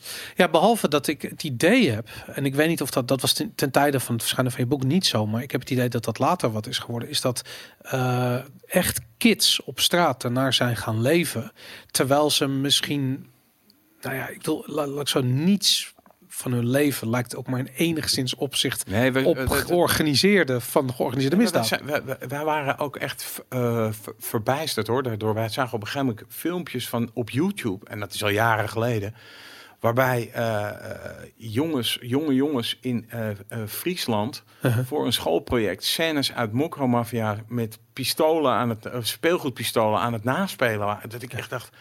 Wauw, wat is dit dan? Daar hadden, Ja. wij, hadden wij helemaal, helemaal geen rekening mee gehouden. Wij denken, wat, wat, wat, wat is dit dan, joh? Ja, En toen, en toen hadden we, hebben, wat, we ook altijd hebben gezegd, is bedoel, eh, wij zijn er niet om die wereld te verheerlijken, want dat is ons ook wel eens aangevreven. Ja. Eh, van eh, ja, jullie, jullie verheerlijken die wereld. Is dat zo erg? Laat ik zo zeggen, ik snap dat het geweld en de, alle negativiteit en de ellende, eh, eh, als je dat buiten schot laat, is dan krijg je een vrij eenzijdig beeld. Ja, maar je, eh, hoe kan je iets verheerlijken? Iedereen in dat boek is, Is dood, Gaat ja. dood. Ik- Ja, dat- ja. ja. ja, maar dat, dat, dat is al, laat ik zo zeggen, elke maffiafilm, daar hoogstwaarschijnlijk eindigt die met de dood van hoofdpersoon. Ja. Maar maakt dat die hoofdpersoon minder een, een, een, een geloofwaardige eh een mafioos of een geloofwaardige personage in dat verhaal? Nee, da- nee da- kijk, dat, dat, dat, dat eh, ben ik roerend met je eens. Maar verheerlijken vind ik wel van een andere orde. Dan is het eigenlijk van, ja, het is eigenlijk helemaal te gek wat die gasten aan het doen zijn. Dat, Ja, ik heb altijd het idee van, kijk, dat soort oordelen zeggen natuurlijk alleen maar wat over de mensen die dat als verheerlijken opvatten. Dus de mensen die dat oordeel vellen. Dus ik kan me heel goed voorstellen als je in, eh, eh, in je doorzonwoning, je 9 tot 5 baan, na drie weken is je geld op en het ellende en we- weet ik veel, gewoon echt, echt een typisch doorsnee kutleven hebt. En dan zie je die gasten in hun dure auto's. Alleen dat heb je al zoiets van, daar begint het verheerlijken al. Want alles is beter dan die fucking shit waar je in zit. Dus ik snap dat wel, weet je. Ik bedoel dat... en om nog maar over de uitzichtloosheid van opgroeien in eh Slotervaart te spreken, weet je. Ik ja, bedoel, nee, dat, dat, maar kijk, ik bedoel, kijk, dat heb ik ook wel eens vaker gezegd. Ik snap de motivatie absoluut wel. Dat je denkt van, ja, ik heb geen... eh, ik heb geen gouden rechterpoot zoals Nouri. Mhm. Eh, ik kan niet rappen zoals Boef. En ik heb ook geen zin om kippen te gaan slachten, net zoals mijn vader. Ja. Ik begrijp dat. dat Ja. ik, ik snap die, die, weet je wel. Eh, aan de andere kant denk ik ook, er is geen land, bijna geen land ter wereld waar je zo ontzettend veel kansen krijgt ja. om uit die wereld te ontsnappen, gewoon via een normale route. Snap je? Dus daar zit, daar zit, daar, daar, daar schuurt het ook. Kijk, eh, het is hier geen Amerika. Je hebt hier gewoon eh, iedereen. eh, en en tuurlijk heb je het zwaarder als wanneer je een jonge, een, een kind van immigranten bent. Dan heb je het gewoon zwaarder in Nederland. Dat is gewoon zo, weet Mhm. je wel. Maar dat wil niet zeggen dat die route zo onmogelijk is dan als wanneer je zeg maar in, eh, in de banlieue in Frankrijk eh, geboren. Da daar heb je het nog vele malen zwaarder. En als je in een achterstandswijk in Chicago geboren bent, dan heb je ben je helemaal de Sjaak. ja. En als je in een achterstandswijk in Djibouti geboren bent, dan weet je wel. Dus het is. Er zijn gewoon wel echt kansen om eh, hier aan te ontsnappen. En ja, ik begrijp de, de gedachte en ook eh, dat snelle geld. En dat je dat wil, omdat je dat gewoon, ja, omdat je dat gewoon wil als jonge jongen. Mhm.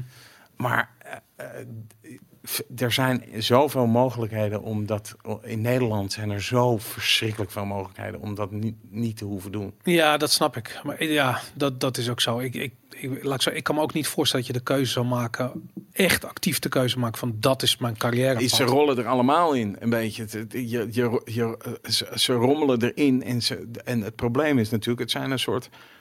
Ja, ze zijn zo jong eh, dat het bijna een soort kindsoldaten van de onderwereld zijn. Snap je? Het is, Ja. het, is, het is niet voor niks dat, dat eh, legers door de eeuwen heen dol zijn geweest op jongens van 18 tot 24. Omdat die gasten, die zijn wel helemaal volgroeid. En die denken gewoon niet helemaal goed na. Nee, want je bent gewoon een kind. Eigenlijk dat, wel. Dat en, is, en, ja. en, maar ja, die kinderen die worden dus zeg maar hier in, in dit conflict, ja, die gaan daar gewoon snoeihard af. ja. Ofwel omdat ze zelf omgebracht worden, ofwel omdat ze gewoon hele lange krijgen. Nou, ik vind dat zo. ehm, ik vind dat zo schokkend eigenlijk. Dat je. eh, ik, ik heb heel erg lang heb ik, eh, op Kattenburg gewoond. Ja. Ehm, en daar is die schietpartij geweest in dat buurtcentrum. Ja. Waarbij een stagiaire, die Ja. er echt nergens niks niet mee te maken had, doodgeschoten is. Eh, nog iemand is neergeschoten. Nou, er speelde van alles in die buurt. Ehm, en als je dan die verhalen hoort van die mensen die betrokken zijn, weet je, het zijn gewoon letterlijk eh, die jongen die eh, onthoofd is, die woonde ook op eh Kattenburg. Ehm, en die, die liep gewoon stage, weet je, die zat gewoon op school, die liep ergens een technische stage. Dat ik denk van, daar, daar, wa- waar staat mokkermafia beeld? Weet je, ik bedoel, dit is, dit is iets, dit is iets totaal anders. Nou ja, waar- waarom, waarom besluit je op een gegeven moment dat je dan toch denkt van, nou ja, weet je, ik heb geen zin om. eh, eh, en ik denk niet dat dat een soort besluit is. Het is Nee. een soort. Is, Je zegt een keer niet nee op het verkeerde ja, en je moment. glijdt erin en je hebt het één keer gedaan en je kan er niet meer uit. En je kan er ook niet meer uit. Het Ja. is, zeg maar, er zijn delicten die zijn zo heftig. Dan kan je niet meer terug. En op het moment dat je, dat je eruit stapt, ben je acuut doelwit. Ja. Dus er is een, eh, een jongen is geliquideerd. Even kijken, wanneer is dat? Twee jaar geleden volgens mij ook. In Osdorp. En die waarom is die geliquideerd? Omdat hij geweigerd had om een... Die zou een liquidatie uitvoeren. Dat heeft hij geweigerd. ja. En vervolgens dachten die gasten die wel die liquidatie... Ja, maar wacht even. Als hij dat gaat doorkletsen, zijn wij de klos. Want hij, hij kan dat nu door... Hij weet dat van ons. Ja. hop, eraf. Maar daarin, daarin zie je toch van de, dat, dat eh, eh, er is geen professionaliteit meer. Laat ik zo zeggen, dit zijn niet doorgewinterde, ervaren criminelen waarbij je wegloopt met je tas in de Ja, maar ja, dan- zon. ja, maar, ja, maar goed, de profession, ik vind, dat- dat vind ik dus altijd een ingewikkeld eh, eh, woord, professionaliteit. ja, misschien eh, bestaat dat wel helemaal niet. Nou ja, we hebben een, een, een professionele liquidatie gehad in de Beethovenstraat. die- ja, die guy ja, met op Instagram met, met, met zijn foto's op een jacht. En, Ja, en dat was, dan een, dat was dan een professionele liquidatie. Die man die met een wapen met een Ja. demper op iemand afschoot. Eigenlijk zoals, zoals altijd gezegd wordt, ja, er wordt een Joegoslaaf ingevlogen. Die doet zijn klus en die zit weer op het vlieg. Ja, die heeft er drie, drie eh, die is nog voor drie andere mo- of twee andere moorden eh, aangeklaagd. Die gast zet zichzelf op Instagram en Ja. die loopt gewoon door elke camera in Amsterdam. Ja, is dat professioneel? Ik weet het niet, joh. Maar Nee. weet je waarom? Ik denk dat er geen professionaliteit is. En dat is ook echt iets wat vo- voortkomt uit films en nou, hitman games. eh, weet je wel? Je bent gewoon gestoord als je dat gaat doen. ja. Je bent gewoon echt niet goed bij je hoofd. Dat, Ja. dat- weet je wel, dat is niet een, een soort iets dat je denkt van, ja, dat is een. Dat is Maar ik moet zeggen, hij is ook wel erg snel gepakt. Weet je, ik bedoel, als je kijkt naar die, die, die, die laat ik zo, ik heb het idee dat we nu pas, en ondanks dat ik er redelijk moe van ben, maar nu pas wordt het duidelijk eh, wie in, in het Holleder-conflict, wat er allemaal gebeurd is. En we weten het nog steeds niet allemaal, maar Je weet het nooit. Nee, daarom. Maar goed, in ieder geval, het, de, de contouren die, die, die, die, die, die, die, die kristalliseren een beetje uit. Ehm, ik heb het idee dat bij ehm, eh, de hele, eh, bij het Mokromafia verhaal, het veel eerder allemaal op straat lag wat er aan de hand was. In ieder geval de theorieën, eh, niet alleen jouw boek, maar ook de artikelen die eroverheen geschreven werden. Ik bedoel, je was absoluut de eerste die een, die een coherent verhaal presenteerde aan wat er in grote lijnen aan de hand was. Maar vervolgens al die details, die gasten van het ene kamp die een website vol pleuren met informatie over gasten van het andere kamp. Het is, het lijkt wel alsof het, eh, ik bedoel, Ja, maar dat heeft dus, kijk, dat heeft volgens mij wel ook met de jeugdigheid van sommige van die jongens te maken. Dat, ja, En, en, en, en ook wel dat ze heel snel eh, nieuwe technieken omarmen.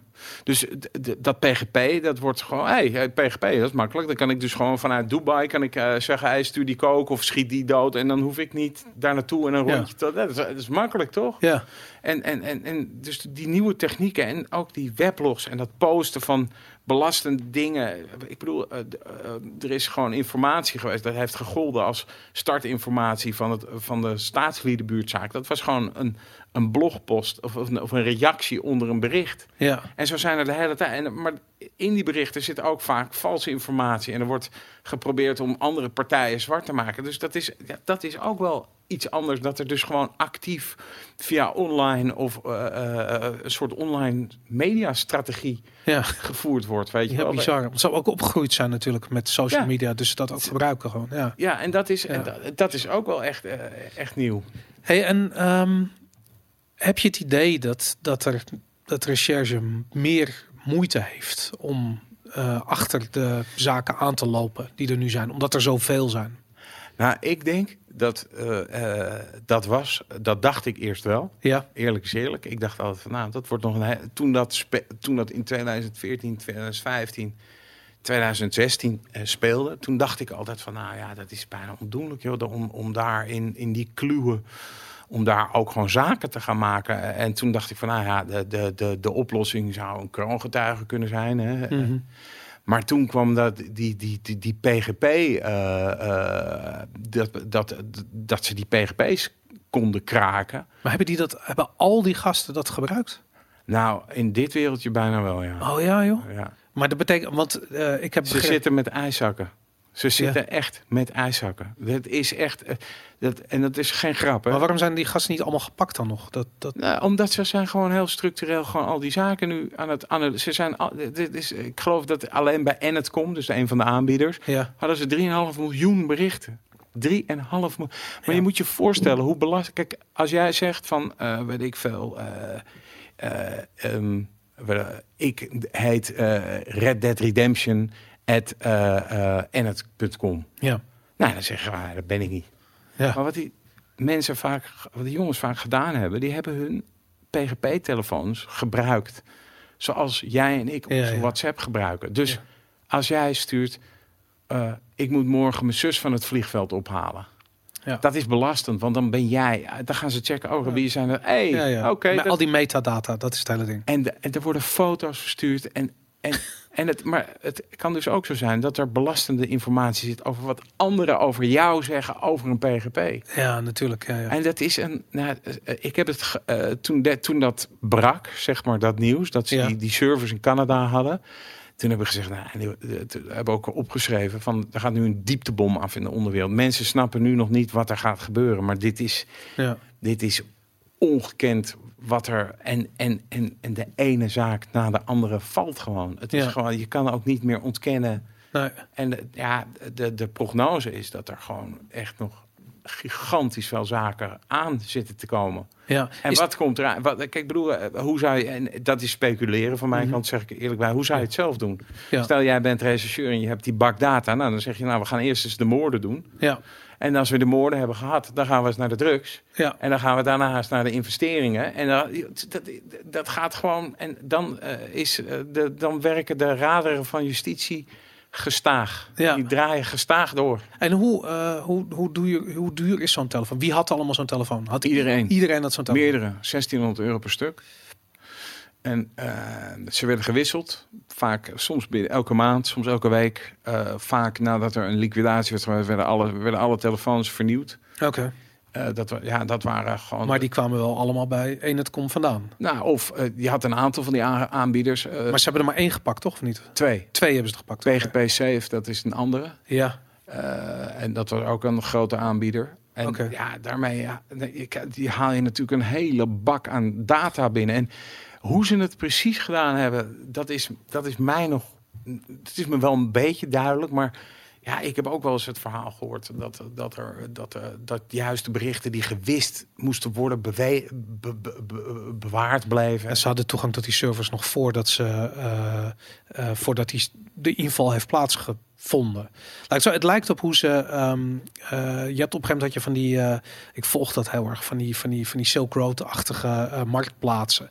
En op een gegeven moment was een Tor-netwerk is, is zo veilig. En dan wa- was dat een ehm, op een of andere manier vrij veel van die servers stonden in Nederland.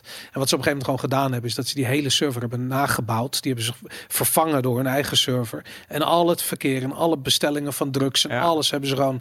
Nou, dat hebben ze gewoon. Ik, ik weet niet, volgens mij twee maanden lang hebben ze dat allemaal eh, meegenomen en opgenomen en weet ik veel wat. En vervolgens ja, begint dan het uitrollen van, eh, eh, van die zaken inderdaad. En misschien is dat wel een beetje vergelijkbaar. Ja. Ja, nee, het is, het is, het is echt een, een, klap die zijn weerga niet kent. En je ziet bijvoorbeeld, er is een, een liquidatiepoging geweest in Diem in eind 2015. En dan, dan zie je dus dat er die liquidatie die mislukt. en, dan, en dan zie je dus gewoon eigenlijk eh, in die communicatie na die liquidatie zie je gewoon helemaal wat er, wat er gebeurt. Van, hey, heb je die auto in de fik gestoken? Waarom heb je die auto niet in de fik? Lul, je moet die auto wel in de fik steken. Hey, dit, dat. En als je die auto niet... Jij bent verantwoordelijk. En dan, dan zie je dus gewoon de stress... Zie je gewoon toenemen van nee, nee, nee, maar het komt goed. En, we, kunnen- nee, en dan uiteindelijk zie je dus dan de opdrachtgever. Die jongen is daar ook voor veroordeeld. Ja, die wordt helemaal gek. Ja. Want die zegt, jullie hebben die auto niet in de... Er zitten sporen in. En weet je wel... Ja, die jongens werden al in de gaten gehouden door de recherche. Dus het was zeg maar... 1 en 1 is 3. 1 en 1 is 3. Maar ja, als je, je, je kan er niet... Je kan er gewoon niet omheen praten. Als zo'n telefoon aan jou is toegeschreven, wat ga je in godsnaam nog zeggen? Ja. Wat, maar eh, op het moment dat zo'n, dus die zaak vindt plaats, die gesprekken, die PGB-gesprekken, die worden eh, ook vrijgegeven natuurlijk. Eh, ook Ja. de, als journalist krijg je die ook eh, inzage in. Een, Nee, je krijgt er niet inzage. in. Je hoort, ze in, je hoort het in de, in de, in de Oh, het rechtbank. wordt voorgelezen. Ja, het is gewoon van, toen heeft u dit gestuurd, toen heeft u dat gestuurd. Zo, zo gaat dat. Ja, op die manier. Maar ik zou me voor kunnen stellen dat dat automatisch betekent dat als Pietje iets zegt over wat hij gestuurd heeft en mensen kennen Pietje, dan weten ze ook gewoon van, wacht eens eventjes, als ze zijn informatie hebben, ze mijn informatie ook. Ja. En dat, en dat, eh, is, dat is dus nu ja. waarom iedereen... Hè, dat grapje met van die ijszakken, dat is dus waarom... Wat hebben ze allemaal? ja, Ik heb ook, eh, stel nou, ik heb ook een keer iets eh, gestuurd. Wat hebben ze nou nou, weet je wel? ja, en wat zeggen ze over mij? ja. Dus wat, stel nou iemand zegt, zegt over, over je van ja, ik heb hem vorige week nog een half miljoen betaald voor die kook. Maar is niet-. Is niet iedereen gewoon weg? Het is toch het enige wat je doet, is hem gewoon smeren. Je Ja, er zijn, eh, ja, ik, ik kreeg van de week kreeg ik een appje ook van ja, het is hartstikke rustig. Ja, ja, dat lijkt me dus ook. Ja, inderdaad. Ja, mensen smeren hem gewoon. Dat eh bizar inderdaad. Er komt een volg op Mokkerbaf, ja, toch? De serie. De serie komt dus eh, een vervolg op. Ze zijn nu bezig met, eh, met schrijven en ze hebben gevraagd wil je nog een keertje komen, komen praten. Dus dat, eh, ja, dus dat, dat ga ik doen. Maar eh, laat ik zo zeggen, er zijn weinig eh misdaadjournalisten die eh, zo'n verhaal neerzetten, wat vervolgens verfilmd wordt in een serie, wat zo'n succes wordt. Ik bedoel, je kunt hier toch, laat ik zo zeggen, dit is toch voer voor nog Meer boeken bedoel je? meer boeken, meer zijn- series, nou ja, meer... dat, dat- iedereen vraagt me dat. En ik, ik heb er zoiets van, nou, weet je, het, het, het, we, zijn, we denken daar ook wel over na. En eh, weet je wel, de- ik, ik zeg ook niet nee, ik zeg niet ja. Het is een beetje zo van... eh, Waar, waar zit hem dat in? Is het moeilijk om het, is het onderwerp moeilijk? Is het, is nee, het het verhaal is moeilijk. Gewoon. Oké, wat, ja. wat, wordt, wat wordt nou precies het verhaal? Ja, want omdat natuurlijk de Mokromafia begon heel erg bij die eh, schietpartij bij is- de en statie. hoe leg je dat dan goed uit? En Ja. Leg je alles uit of leg je een deel uit? Of, eh, weet je wel? Ja, dat is heel moeilijk. Hey, en ehm, eh, ik weet, je schreef ook voor Panorama onder andere. Ja. Ehm, eh, ik weet dat dat echt een soort van het een van de laatste overgebleven betalende Ja. eh, klussen was voor sowieso veel journalisten. Maar Ja. ik, ik bedoelde, ja, niemand kan meer droog brood verdienen met het schrijven van stukjes. Nee, dat is heel ingewikkeld. Ja, hoe, hoe, hoe zie, je- hoe zie je jezelf als mediamaker daarin? Ik bedoel, Ja, dat is ingewikkeld. Kijk, dat, je, dat, je, dat je denkt van, ja, ehm, je wil eigenlijk, wil je het liefst gewoon eh, voor medium schrijven en, en dat zo goed mogelijk doen. Aan de andere kant eh, heb ik ook wel altijd zoiets van, ik vind heel veel dingen in die mediawereld eh, interessant en leuk om te doen. Weet je wel, Mhm. ik zou alleen maar de hele dag misdaad, misdaad, misdaad. Op een gegeven moment ken je dat, ook- ken je dat zeg maar ook wel. ja. En daar hadden we ook bij Mokromafia. hè. Mokromafia is, is ook wel, we hebben dat ook wel geprobeerd op te schrijven, ergens als een soort sociologisch iets van wie zijn deze jongens en waarom doen ze dit? Ja, Dat is een interessanter verhaal dan wie is nou de grootste man in de onderwereld. En we- we- wie, dat, is, dat is een beetje inwisselbaar. Snap je? ja oké, oké. Je wilt toch een soort boek, dat, wat Astrid Holleder ook gaat, een soort boek neerzetten waarvan je zegt, nou, dit is een universeel verhaal. Dit, is, dit raakt een snaar dieper dan alleen, Ja, eh, dit is de grote baas en die legt iedereen om. Want dat is, dat is het is plat, ja. ja, en eh, eh, wat, wat, wat, wat ik er wel interessant aan vond, is dat er een soort opwaartse mobiliteit die erin zit. Van die jongens die willen een, ergens een beter leven, die hopen dat te bereiken dan Mhm. via, via die, die, in die wereld. En dat lukt dan toch niet. Ja, ik vind het ironische van de hele, eh, van het, van, eigenlijk van het hele gegeven, eh, is dat ik het idee heb dat met de serie uh, Mokromafia en ook de mensen erachter, de acteurs erin, dat er een soort van hele nieuwe generatie, hele eh, getalenteerde Marokkaanse acteurs is opgestaan. Hartstikke leuk. Ja, echt super cool. En ik vond het ook al bij de film eh, Wolf. Ja, Eh, maar die, kijk, Wolf, dat, eh, die, hebben, die kwam volgens mij uit in 2011 of 12. ja, ik word helemaal gek als ik denk hoe lang geleden, dat is bizar. Nee, maar die, die, daar hebben wij toen met, eh, bij het schrijven heel erg naar gekeken. Ja. Want de, eigenlijk, dat is, ik vind dat, dat vond ik zo'n fantastische Weet je, de. Nederlandse La Hen vond ik dat. Ja, Ja, ik ook. dat- En ik vond het, ik vond, en ik vind ook dat, ik vind het ook eigenlijk eh, heel jammer dat die film niet de eh, de eh, critically acclaim heeft gekregen die het eigenlijk. Je wil toch, ze hebben toch een gouden... Ja, maar het, dingen het had gewonnen. eigenlijk gewoon een bioscoop kaskraker moeten zijn. Hij had internationaal moeten gaan. Dit is, dit is, dat was, die film was zo gruwelijk goed. Ja, maar het komt omdat hij zwart-wit was. En Nee, nee, nee. Het, was, het, verhaal, het, verhaal, het Ja? verhaal was gewoon heel goed. En het was Ja, nee, dat vond ik ook. Nee, maar dat hij niet, eh, die, die, dat. Ja, ik bedoel, Ja, ja, en dan zie ik wat voor troep, wat voor troep er in die bios draait. Tuurlijk. Dan denk ik, wat, wat, wat, wat eh, waar, waar Maar, maar dat vind ik namelijk ook goed aan Moklamafia. Is dat, eh, eh, kijk, films zijn klaar. Weet je, ik bedoel, iedereen kijkt nog wel films, maar niemand gaat meer naar de bioscoop. Nee. Wat is hier aan het doen? Ja, series kijken op Netflix of Ja. nou ja, ik bedoel, Videoland moest iets doen. Dus die hebben veel geld uitgetrokken. Die hebben dit gedaan. Ik denk dat het, het, het achteraf gezien. Ik weet dat jij, ik, ik zag jou op Facebook zeggen van, hé, hey, mijn boek gaat verfilmd worden. Ja. En er stond gelijk bij, van, of niet direct, maar in je reactie ontstond iets van Videoland. Ik had iets van, nee, fucking Videoland, dat heb ik niet. Weet je, Nee. wie gaat dat nou? Wie, gaat- maar ik heb echt gehoord dat ze echt ook heel veel nieuwe... 500.000 nieuwe abonnees voor Videoland voor Mokromafia. Heb ik gehoord, maar Ja, ik weet niet of dat, dat waar is, de- dat is, maar dat is, de- dat is krankzinnig. Dat is krankzinnig, ja. En dat is, eh, en eh, weet je wel, eh, ehm, eh, hoewel ik me er niet mee bemoeid heb, en eh, weet je wel, ik, ik, ik, ik heb daar echt wel ook voor Ahmed en, en, en Thijs, die hebben echt hun nek uitgestoken. Het is, dit is een project, weet je wel, dit is niet een likable project. Nee. Eh, bijvoorbeeld, eh, ik heb wel eens voorgesteld, is het niet aardig om daar een documentaire over te maken, weet je wel? En dan krijg je terug, ja, ja, ja, moeilijk, moeilijk. dat, dat mensen het gewoon, het thema gewoon, dat besluitmakers in Hilversum vinden dat thema gewoon heel erg ingewikkeld. Die hebben gewoon zoiets, ja, maar ja, het is, eh, je, raakt een aantal hele gevoelige snaren. Je raakt de snaar integratie, terwijl, ja, als die ergens geslaagd is, dan is het wel in de onderwereld. Ja, inderdaad, ja. Weet je wel, eh, eh, ja, en dat, dat, dat is een heel, heel ingewikkelde. Je raakt allochtone criminelen, ga, ga je daar wat mee doen? En daar hebben Thijs en Ahmed hebben gewoon echt hun nek uitgestoken. En ja, bedoel, ik, ik, heb, ik had ook echt wel wat aan te merken her en der hoor, op die serie, waarvan ik dacht, ah joh, weet je, doet het. Maar goed, het is hun ding en ze hebben er gewoon iets van gemaakt waar wat nog eigenlijk succesvoller is dan ons boek. Nou, en dat is eigenlijk gewoon, dat is, dat, daar kan ik alleen maar een hele diepe buiging eh, voor maken. Ja, ja nou, ik, ik, ik ben het met je eens. Ik heb er ook heel veel respect voor. Dat is echt heel knap om zoiets neer te zetten. maar ook dat je durft. Ja, nou ja, aan de andere kant, kijk, Nederland is wel eh, goed. Nederland is goed. Ik heb altijd van Nederland is goed in twee soorten mediaproducties: kinderfilms Ja. en, eh, eh, en politieseries. En er zit daar, ik weet niet, er zit gewoon iets in de Hollandse nuchterheid, de hardheid die, het, die de Nederlandse communicatie met zich meebrengt, wat filmmakers doet passen bij dat onderwerp. En Ja. ik, ja, weet je, ik wil je neem Flikken Maastricht, whatever. Oh, Het is een kutserie, maar aan de andere kant, het, het is, het, het raakt wel. Ja, soort, nee, hoeveel wat- seizoenen loopt die onzin niet? Weet je? Ja, ik kijk dat niet, maar het, het is, het, ik, ik keek die eerste scène van Mokko Mafia van de serie en ik dacht echt, dit is heel anders. Weet je, je gaat het toch vergelijken met van wat, wat heb ik opgeschreven. Ja, Maar ik keek het en ik dacht, dan op een gegeven moment dan is er een auto en dan zitten daar twee gasten in. En die gasten die, die, die krijgen ruzie met twee jongens op een scooter.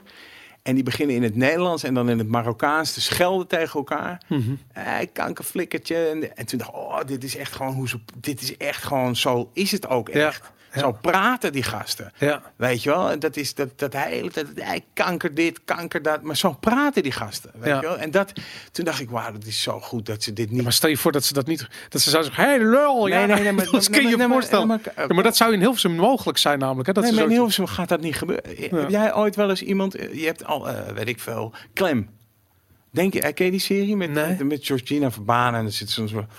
Denk je dat er een crimineel is die niet één keer per dag het woord kanker zegt? Dat gebeurt aan de lopende band. Ja, daarom. Ja, ja. Dus als je dat realistisch, dan zal die, ja, dat als je het realistisch wil doen, ja. dan zegt hij dat. En, Ja, dan, kun je, en dan zit, dan misschien zitten er dan een kijkertje zo, oh nee, mijn oren, dat wil ik niet. Ja. Maar dit is wel Ja. wat het. En ik vond dat heel goed. En ik bedoel, ja. En sommige dingen van had ik nou, weet je wel. Ik, ik, ik, ik hou zelf, maar dat is persoonlijke smaak. Hè? Uh-huh. Dus dat, dat heeft. Ik hou zelf heel erg van langzame karakteropbouw. Ja. Als je bijvoorbeeld. eh, een van mijn lievelings eh, buiten de Sopranos, wat ik briljant vind, maar eh, is The Wire. ja, tuurlijk. Ja. En dan gaan ze heel langzaam, ga je gewoon. Dus de, het begint geloof ik met een moord. Maar voordat, ze, voordat er echt geschoten wordt, ben je gewoon zes, zeven afleveringen. Zit je in die wijk. Je zit in die drugsjongens. En dan, dan, en dan gaan ze er eentje doodschieten. En dan denk je, oh nee, maar dat is eigenlijk best wel een aardige gast. Hè? Waarom schieten ze die nou? Ja. Dan voel je het, voel je het meer. En dit, dit was, uh, Mocha Mafia is gewoon high-paced. Ja. Dus dat gaat gewoon snel. Ja. En, dat, en dat is ook, ik bedoel, mijn, mijn, mijn oudste zoon, die vindt dat geweldig. Ja. En ik ben gewoon, Ja, ik ik ben gewoon uh, misschien moet ik met mijn pijp en mijn sloffen mm, maar gewoon uh, rustige tv kijken. Maar, maar je zegt, je, uh, ik bedoel, het feit dat je het überhaupt al kunt vergelijken met de Sopranos en The Wire, twee van de waarschijnlijk Nou, twee van dat- de beste ja, ja. misdaadseries ooit gemaakt en wordt waarschijnlijk niet snel. nee. Eh, ik bedoel, Breaking Bad komt op zijn eigen manier misschien Ja, in de buurt over langzame karakteropbouw gesproken, maar ehm, ja, dat wordt niet snel over. Maar het feit dat ze in Nederland iets hebben gemaakt dat überhaupt in de buurt komt, Ja. dat is gewoon fantastisch. Ja, dat, dat, is bijna. dat, dat, dat, dat vervult mij ook altijd met trots. En denk Ja. Van, ja, dat, ik, want ja, je, je zit toch, eh, vrees toch als je zo, zo dat verkoopt of als, of als mensen met jouw ding aan de slag gaan. Ja, dan vrees je toch voor een soort, eh, hoe zeg je dat? Pastorale 1943. Nou, waar ik, waar ik heel bang voor was, maar ik, ik precies dat, waar ik, waar ik zo bang voor was. Volgens mij was het eh, de Heineken-ontvoering, waar ze dat ging wel over de Heineken-ontvoering, hadden ze voor de rest hadden ze allemaal een beetje losjes geïnterpreteerd Ja, ja. en maar wel de. En ik vond het zo kut, omdat het gewoon zo precies de plank missloeg overal, weet je. Ja, En dan had ik je en, en hierbij had ik echt zoiets van ja, de, eh, eh, je neemt een, een waar gebeurd gegeven, je moet daar iets bij. Het enige wat je kunt doen is dat inkleuren. ja. Je, je kan niet zeggen van nee, het was net even wat anders. Nee. Weet je, je kan het proberen in, in te kleuren in die details. ja. Weet je, net als dat bij de Heineken-ontvoering, wat er gebeurd is, dat weet iedereen van onze generatie. Want we hebben het in geuren en kleuren de afgelopen, weet ik wel, 30 jaar meegekregen. ja. Maar dus daar kan je niet van afwijken. Maar je, Nee. maar je kan het wel inkleuren met details die we niet wisten. En dat, eh, dat heb ik hierbij. Dat gebeurt heel mooi. Ja. Wat, jij voor, wat jij als voorbeeld geeft van de manier waarop ze praten. Het is nou typisch iets wat, je, wat in een boek lastig is. ja. Je kunt niet de hele tijd zeggen van, hey, kanker, dit, hey, Nee, maar dat is niet te lezen. Daarom, nee, daarom. Dus dat, dat, en dat hebben ze dus heel. Dat is een voorbeeld van inkleuren. Dus dat vond ik heel mooi eraan. Ja, En nee, dat, eh, dat, had, dat vond ik ook. En, eh, ja, en sommige, sommige dingen van. Op een gegeven moment had ik zoiets van weer geweld en weer geweld. Kijk, ik hou ervan als je, als je, als je het erg vindt dat iemand doodgaat. Ja. Ik bedoel, eh, The Wire, ik weet niet hoe, hoe- eh, of de luisteraars dat kennen. tuurlijk. Maar op een gegeven ogenblik in seizoen drie, Uh-huh. einde seizoen drie, gaat Stringer Bell gaat dood. Ja. En dat is zo'n moment dat je denkt, ja, maar hij is de allerslechtste. En Uh-huh. het is de grootste kloot. Maar ik wil helemaal niet dat hij dat, want het is zo'n Ja. rijk karakter, weet Ja, je wel? Dat je bijna dat je gewoon een soort gut punch krijgt van, ah, maar dit, dit, dit is te heftig. Ze halen hem er gewoon uit. Ik had het laatste seizoen van de Sopranos dat ik echt bang was dat ze Tony Soprano zouden laten doodgaan. Ja. En ik dacht van, het kan niet al. Uiteindelijk is hij ook dood natuurlijk. ja, in het echt. Nou, ja. nee, nee, nee. eh, Die laatste aflevering is toch gewoon zijn liquidatie. Ja, dat weet je niet. Dat, dat weet niemand. Ja, ik heb een hele theorie. We hebben op een gegeven moment iemand hier gehad op kantoor die had daar hele eh, eh, ideeën over. Ja. En dat, ehm, eh, dat het dat dus niet was. En dat er zelfs plannen waren voor een film direct daarna. En weet ik van. Dat ze da- daarom niet zo geëindigd zijn. En dat is de reden waarom eh, Breaking Bad. ehm, wat, vond je, wat vond je van het einde van Breaking Bad? Heb je die afgekeken? Eh, ja, en ik vond dat gewoon, ik vond dat niet Des Breaking Bad. Maar Breaking Bad had twee eindes namelijk. Oh, En dat, Ah, dat dat, wist ik niet. Ja, dat heeft niemand eh, begrepen. Maar de op één na laatste aflevering, daar sterft eh, Walter White in het bos eigenlijk. Oh, Of hij blijft daar. Dat is, hoe, dat is het einde wat ze bedacht hadden. En toen dachten ze van ja, maar dat, dat is zo. dat geeft geen voldoening. Weet je, als Nee. kijker naar al die jaren dat hij gewoon aan kanker doodgaat in een hutje in het bos met een Ja. ton met. maar dat met is wel het beste einde. Was het beste einde. Vervolgens heeft hij dus een aflevering gemaakt waarin alles goed gaat. En ik weet niet of je nog kan herinneren, maar hij heeft in zijn machine in de achterklep Machine- eh, machine. En dan, dan, dan op een gegeven moment, hij moet wegrijden en dan doet hij het klepje naar beneden en dan valt precies in zijn hand de, eh, eh, de sleutelbos, weet je. Het is alle, het is, het slaat nergens op. Het is over de, maar het is zijn reactie op eh, eh, de opdracht van nee, maar zo kunnen we niet eindigen, we moeten iets anders doen. Dus hij zegt, weet je, ik maak twee eindes. Dat einde, dat is voor de mensen die, die gewoon dan klaar zijn, die hoeven de laatste aflevering niet te zien. En voor iedereen die dan niet voldaan is, die kijkt die laatste Ja, aflevering. ja. Oh, ja, en dat is gewoon, niet. ja, dat is, als je het nog een keer kijkt, dan, dan kun je dat heel erg waarderen. ik, ik, vond- ik vond dat, had ik dus ook bij Breaking Bad. Uh-huh. Mijn, mijn fa- favoriete karakter was eh, Jesse. Ja, ja, ja, ja. Eh, en ik heb bij elke, elke serie heb ik wel zo'n favoriet, eh, favoriet karakter waarbij ik dacht van. En, in Mokka Mafia is bijvoorbeeld Adil. Ja, ja. Die, die, die, Ja. die, die sportschool guy die eigenlijk de shit moet gaan. En ja, dus ik, ik, ik vind zij, hij is gewoon nu de man aan het worden. Maar ja, wat gaat hij doen, weet je wel? Dus dat is zo, eh, dat vind ik een heel interessant, dat karakter. Ja. En het rare is, dat zal ik je nog eens wat vertellen. Want ik had laatst een etentje met de hele, hele crew van Mokro Mafia. Die had, Ja. Omdat het zo'n succes was, hadden we zoiets van... Nou, we gaan met de hele, eh, hele eh, club eten. Vinden jullie het leuk om eindelijk die acteurs een keer te ontmoeten? Ja, Dus ik had zoiets, nou, dat vind, vond ik wel leuk. En toen, dan ontmoet je die acteurs. ja. Maar ik ben natuurlijk gewend om met, eh, zeg maar, jongens die in het milieuverkeer op een bepaald level te gaan, gaan praten. Dus op een gegeven moment, toen zat ik naast die, die, die Adil en toen zei ik van ja, maar dit. En toen begon ik tegen hem te praten alsof je met een bron Ja, ja, praat. tuurlijk. Zei, hé, maar ik weet ook niks. Ik ben maar. eh, Want je ben- kent hem ook voornamelijk vanuit zijn lol. Ja, weet je? dus ja, ik, dacht, ja. ik, had, ik raakte daar helemaal van in de war, joh. Dat Ja. is zo gek. Ja, maar dat is natuurlijk altijd als je mensen echt leert kennen, of tenminste je leert karakters echt kennen en dan Ja. zie je de mensen erachter. Dat is dat is weird. Dat snap ik ook wel. Ja, lachen. man. grappig, ja. Ja, ik hoop heel erg dat er een eh, eh, dat er een vervolg. Ik hoop ook dat er een vervolg komt van je boek, want dat eh, Ja. ik denk dat er gewoon nog heel erg veel te vertellen is. Zie je zelf eerder die kant mee verder gaan, of zijn er andere onderwerpen binnen misdaadjournalistiek die je op dit ogenblik heel erg eh bezighouden? Ehm, nou, ik, ja, dit, dit is iets heel anders hoor. Maar ik vind, ehm, ik vind eh, wat ik, wat, kijk, in die onderwereld dat is eh gaaiers, wat in de clinch raakt met gaaiers over geld. Ja, Heel plat gezegd. Hè? En, dat, da- en daar hangt een sausje van, van uh, rock and roll en, en natuurlijk overheen, waardoor dat Mhm. een beetje aanspreekt. Aanspre maar ik heb nu een paar keer heb ik van die, van die, van die, van die cold case zaken heb ik over programma's over gemaakt en zo. Mhm. En toen dacht ik, wauw, dat is toch ook wel, weet je, dat je gewoon een ons, onschuldig iemand en die overkomt iets afgrijzelijks. En wat doet dat met een gemeenschap? Dat Ja. vind ik ook. Ja, dat is een hele andere, is een hele andere tak van sport. ja, Dat is meer de, zeg maar, eh, de Peter R. de Vries kant, zou ik maar zeggen. Maar het, het, eh, de- bijvoorbeeld die zaak Nicky Verstappen, als je die, als je die eh, en eh, daar heb ik me niet zo mee bemoeid, maar als je dat leest, wat dat gedaan heeft. Dat is in een heel klein dorpje in Limburg is dat gebeurd. Heibloem heet het dorpje, daar wonen. eh, en dat is bijna eh, in cold blood. ja, Maar dan in, de, in, in, in Limburg. Want dat hele dorp raakt gewoon verscheurd ja. door zo'n moord. En iedereen... ra- Iedereen kijkt naar elkaar natuurlijk. Juist. Ja. Dat, en, het, het- en dan komt die media eroverheen. En dat duurt dan jaren en jaren en jaren voordat daar eindelijk iets van een oplossing is. Eh, waarbij je nu ook nog de vraag kan afstellen: is dat echt een oplossing? Ja, want hij, die, die guy is gepakt in zijn, Ja. in zijn wandelkamp ergens in Spanje. Ja, En nu blijkt, nu hoorde ik laatst, of las ik laatst weer ergens van dat er misschien toch problemen zijn met het DNA. nou, dat DNA is niet genoeg. En dat is dus het probleem. Kijk, ze hebben dat gepresenteerd als zijnde. We hebben Joh. dus een DNA, waardoor Ja. mensen. En dan is weer die.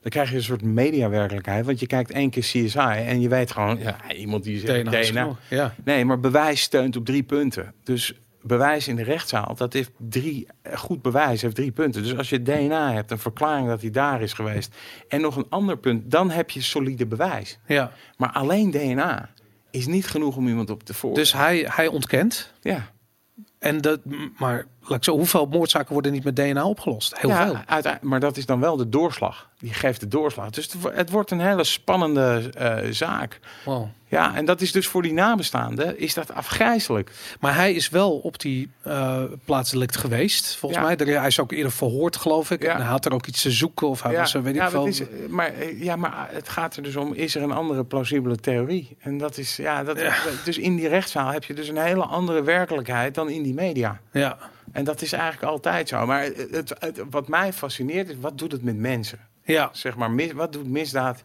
met mensen? En dat is, dat, ja, dat is in zo'n zaak, eh, ja, dat je denkt van, wauw, zo'n hele gemeenschap ontwricht. Dan wordt er iemand beschuldigd die dan ook eh, eh, dat kinderkamp waar die jongen is verdwenen, daar een soort leider was.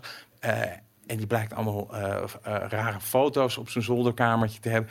Dus je krijgt een soort bijna, ja, dat, dat klinkt een beetje eh, respectloos naar die nabestaan, maar het is Mhm. bijna een soort raar, soort Twin Peaks-achtig. ja. Wat heeft zich daar in het dorp allemaal afgespeeld? Ja, dat snap ik helemaal. En ik kan me wel voorstellen dat eh, eh, daar, zit, daar zit echt een verhaal in. Weet je, Tuurlijk. Zo, daar zou je ook tv-series over kunnen maken. Natuurlijk. En ik vind, maar ik vind het dus ook de plicht van de publieke omroep om dat soort programma's te maken. Ja. Omdat ik denk dat dat zegt. Dus je kijk, ja, ik, ik heb eh, Floortje Dessing eh, eh, gezien die naar eh, naar het eiland ging onder vuurland. Ja. En ik vind het fantastische tv, want ze maakt het heel goed. Hm. En ik zie allemaal mensen die naar het buitenland reizen en de meest exotische bestemming. En ik denk van, maar waarom gaat er niet iemand daar Ja, ja, een- natuurlijk. Ja, maar dat, gigantisch programma maken over wat er, wat er in Nederland gebeurt, wat, er, Ja. wat, wat daar gebeurt en hoe dat werkt. Maar hoe zit je, ehm, laat ik zo zeggen. Kijk, ik ben echt extreem sceptisch over de toekomst van televisie. Ik ook. Ehm, en dat heeft met name te maken op de manier waarop, het, waarop die producties nu draaien. En hoe duur het is. En hoe kijkers afhaken. En Ja. hoe ontzettend ongebruiksvriendelijk het is als je dingen wil terugkijken en weet ik Ja. wat. Maar ik kan me voorstellen dat de alternatieven dienen zich aan. Ik bedoel, Videoland is misschien Ja. nog een Nee, dat- beetje ja, een kruisbestuiving. Ja, weet nee, je? maar- Maar... inderdaad, weet je. Ja, nee, maar ik- denk, kijk, ehm, ehm, wat ik denk is dat eh, eh, die tv, die kermis-tv noem ik dat altijd maar, weet je wel, in zo'n hal en met publiek. En ja, eh, je moet, je moet de competitie aan met gewoon het beste van het beste op Netflix, op HBO. Ja. En weet je wel, Het kan helemaal niet. Dat dus kan met een lage niet, pro- ja. productiewaarde kom je er gewoon. Je, komt, je haalt het niet. Nee. Die mensen die gaan denken, ja, maar wacht even. Als ik Netflix aanslinger, dan, dan kan ik en doorkijken. En ik, en ik heb iets fantastisch wat gewoon... Ja. Het, het, eh, weet je wel, laatst had ik een film, in een Franse film, naar Braqueur. Ik weet niet of je die gezien hebt. Nee. Een hele vette film over, over eh, hoe heet het? Over mensen die geldtransporten kraken. Weet je wel, van die, en dat, dat was... Toen dacht ik, waarom zou je in godsnaam nu nog naar iets kijken op de, op de Nederlandse televisie? Als je dit kan zien. Ja, mensen kijken ook niet meer. Het is ook klaar. Dat, Dat- ja, dat ik, vre- maar ik denk aan de andere kant denk ik ook van, de, maar als je echt kwaliteit levert, Ja. dus echt geld erin stopt en echt iets maakt wat, wat, wat, wat, wat gewoon eh, een snaar kan raken, dan, dan zie ik daar nog wel een soort toekomst in. Hey, en hoe, hoe werk je dan? Want ik kan me voorstellen dat je, je hebt volgens mij, vorige keer heb je me verteld dat jullie bijna een jaar bezig zijn geweest met research doen voor Mokromafia voordat het boek eh, uiteindelijk verscheen. Zo'n Nicky Verstappen zaak. Je bent aan de ene kant overgeleverd aan wat voor informatie je Ja. zelf kunt ontdekken. Wat ontzettend tijd Nou, als ik, ik bedoel, ik maak nu niks over Nicky Verstappen hoor, maar als ik zoiets zou maken, eh, ja, dan ben je daar. Dat, is, dat zijn eindeloze trajecten natuurlijk. Ja. Maar je moet, ja, maar ik bedoel, ik heb die, ik heb die documentaire gezien op eh, Netflix over de Bagwan.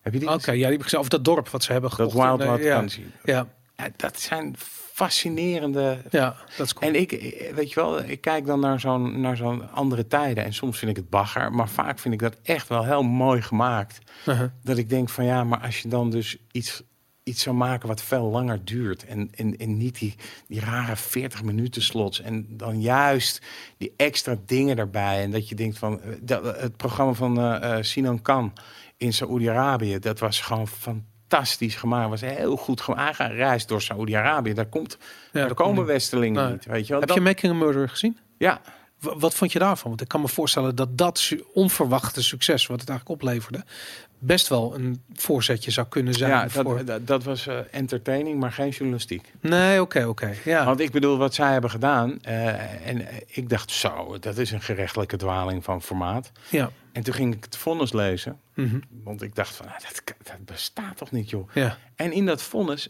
zag ik dus dat gewoon die documentairemakers allemaal dingen hebben weggelaten die heel belastend waren voor die, voor die, voor die, voor die, da, voor die man die daarvoor veroordeeld. Kijk, die, als, je dat voor, het, ja. als je dat verhoor ziet van die, van die, van die jongen, Mhm. ja, dat is echt misgegaan. Weet je, die, die, die, dat neefje of zo van hem, Ja. zijn zoon, ik weet niet ze. ze- Ja. En dan zie je twee agenten die verhoren hem op een manier dat je denkt, jezus, Mina, dat, dat zou in Nederland gewoon niet Het kunnen. is ook natuurlijk kleine dorpspolitie ergens. eh. Maar ja, ze hebben gewoon allemaal, allemaal die makers hebben cruciale informatie weggelaten. Uh-huh. Waardoor je dus helemaal op de lijn gaat zitten. En die man moet onschuldig zijn. Dat kan gewoon niet anders. ja. En als je die, dat vonnis gaat lezen, dan denk je, oh, wow, oké, wacht even. Dus hij heeft in de gevangenis al geroepen tegen de medegedetineerden dat hij kelders ging maken waar hij vrouwen ging verkrachten. Hij heeft al eerder een verkrachting, een aanrandingszaak aan zijn broek gehad. Hij heeft al, dus dan wordt het opeens, gaat toch je, je focus weer een beetje draaien. Dan denk je, ja, maar wacht even, dit is gewoon een beetje eh ja, het wordt één richting, ja, er wordt één richting op geredeneerd. Ja, dit is gewoon de advocaat. Ze hebben gewoon de advocaat van die verdachte heeft gewoon gezegd: oké, we gaan zoveel mogelijk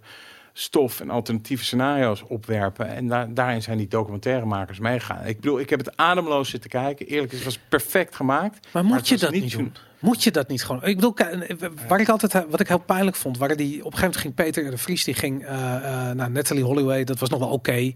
um, maar hij ging ook volgens mij de moord op uh, Kennedy ging die onderzoeken en ik had echt zoiets van, ja, fucking hell, weet je, Peter de Vries komt to the rescue, weet je, die komt even hier in Amerika onderzoeken wie JFK heeft doodgeschoten. Nou, dat ja, de goed, hele bedoel, wereld Peter, daarom... de, Peter de Vries, daar vinden heel veel mensen wat van. Kijk, kijk, ja. En ik, ik heb helemaal geen hekel aan hem, hoor. Nee, ik, nee. ik bedoel, daar niet van. Maar ik heb meer die als idee, soort van je, laat ik zeggen, als je zo'n onderwerp neemt, Ja. dan word je gewoon geacht met een oplossing te komen. Je kunt niet zeggen van Peter R. de Vries gaat de moord op JFK onderzoeken met als conclusie van, eh, ik weet eigenlijk ook niet. Weet je, ik bedoel, Ja, maar, ja, dat, is, Knoll. ja, maar dat, is, dat, dat is dus, dat is dus eh, ben, je, ben je zelf ben je rechercheur of ben je journalist? ja oké. En hij is altijd een beetje regisseur Nou ja, gebleven. ge- nee, nee, nee, gebleven, hij is nooit geweest, maar hij is... Hij is Hij was toch, hij was toch regisseur? nee, nee, nee, Nee, oh, dat is John van Heuvel. Maar, eh, die, dat, je dus, dat je dus zegt van, oké, wat, wat zijn wij, als je journalist bent, ben je... eh, dat is een keuze hè, die je kan maken. Dus ga ik de zaak oplossen Mhm. of beschrijf ik het proces wat er is gebeurd? Dat zijn, eh, of ga ik het oplossen aan de hand van het proces wat er is gebeurd? Dus ik bedoel, Ja, ja, maar ja. dat, is dus, dat is dus wel een soort keu- keuze. Want kijk, het, het probleem is als journalist, je hebt niet de middelen die een opsporingsapparaat heeft. Het, eh, je kan niet in, eh, makkelijk even in de GBA kijken. Je kan niet iemand zijn strafblad tevoorschijn trekken. Je kan niet. Je kan heel veel dingen kan je niet. Die de politie natuurlijk in een, in een, met, een, Ja. met een paar muisklikken allemaal wel kan. Weet Ja. je wel? Dus ja, dat, dat- ik vind dat toch altijd ingewikkeld om echt za om te zeggen, ik ga zaken oplossen. Dat, Ja. dat- dat- vooral ook omdat je, kijk, stel nou je zegt, ik ga een moordzaak op, oplossen. Dat, eh, en dat, daarvoor heb ik ook wel respect voor Peter. Die heeft dat gedaan en heeft het ook echt gedaan. Ik bedoel, zo'n, Mhm. zo'n, eh, die zaak, eh, Ja, de God. Puttense moordzaak, eh, dat, eh, en maar ook de zaak Nicky Verstappen, die zijn ja, mede door zijn vasthoudendheid Ja. zijn die gewoon wel tot een einde gebracht. Ook door de politie. Hè? Maar ja, zo, eh, zo- zo- zo- die nabestaanden krijgen ook heel veel hoop daardoor. Ja, En daar heb je ook een verantwoordelijkheid in. Hè? Die nabestaanden, ja. ja, als je voor het eerst met nabestaanden dealt. Ja, dat is vaak heel pittig. Die zijn, die zijn iemand verloren en die, die willen zijn, zoeken antwoorden en die klampen zich aan jou vast. ja. Ik snap ook dat, dat eh, Peter R. de Vries heeft gezegd: hey, jongens, ik, ik ga, ik ga die, dat programma. Je, hebt er gewoon op je kan ook niet zeggen tegen die nabestaanden: van ja, nou eh, is het programmaatje gemaakt, kerel. eh, het is wel leuk met je. Dat, Ja. dat gaat gewoon niet. Hij was heel close ook met die familie van Natalie Holloway. Daardoor geworden ook, Maar toch? hij, en dat is echt wel zijn, zijn, ja, zijn knap aan hem. Dat hij gewoon, hij is daar heel consistent in. Hij stuurt bijvoorbeeld ook altijd eh, verjaardagskaarten of voor een bloemetje op de dag dat iemand is overleden. Dat schept, creëert natuurlijk Ja, wel een tuurlijk. enorme band. Maar dat is Ja. ook zwaar. Dat is ook voor hem zwaar. Ja, dat snap ik inderdaad, ja. Ja, heftig man, Jezus. Nou, ik ben heel erg benieuwd wat je gaat doen. Eh, eh, eh, laat ik zo zeggen, de, ja, je, hebt, je hebt een gigantische eh, eh, grondslag gelegd voor iets wat eh, er hopelijk aan zit te komen. Ja. Eh, we gaan het zien. Eh, Wouter, ik wil je heel erg bedanken voor je komst hier bij Nerd Culture. En eh, ik hoop je eigenlijk in de toekomst nog een keertje te spreken over je volgende project. Komt goed. Cool man, thanks.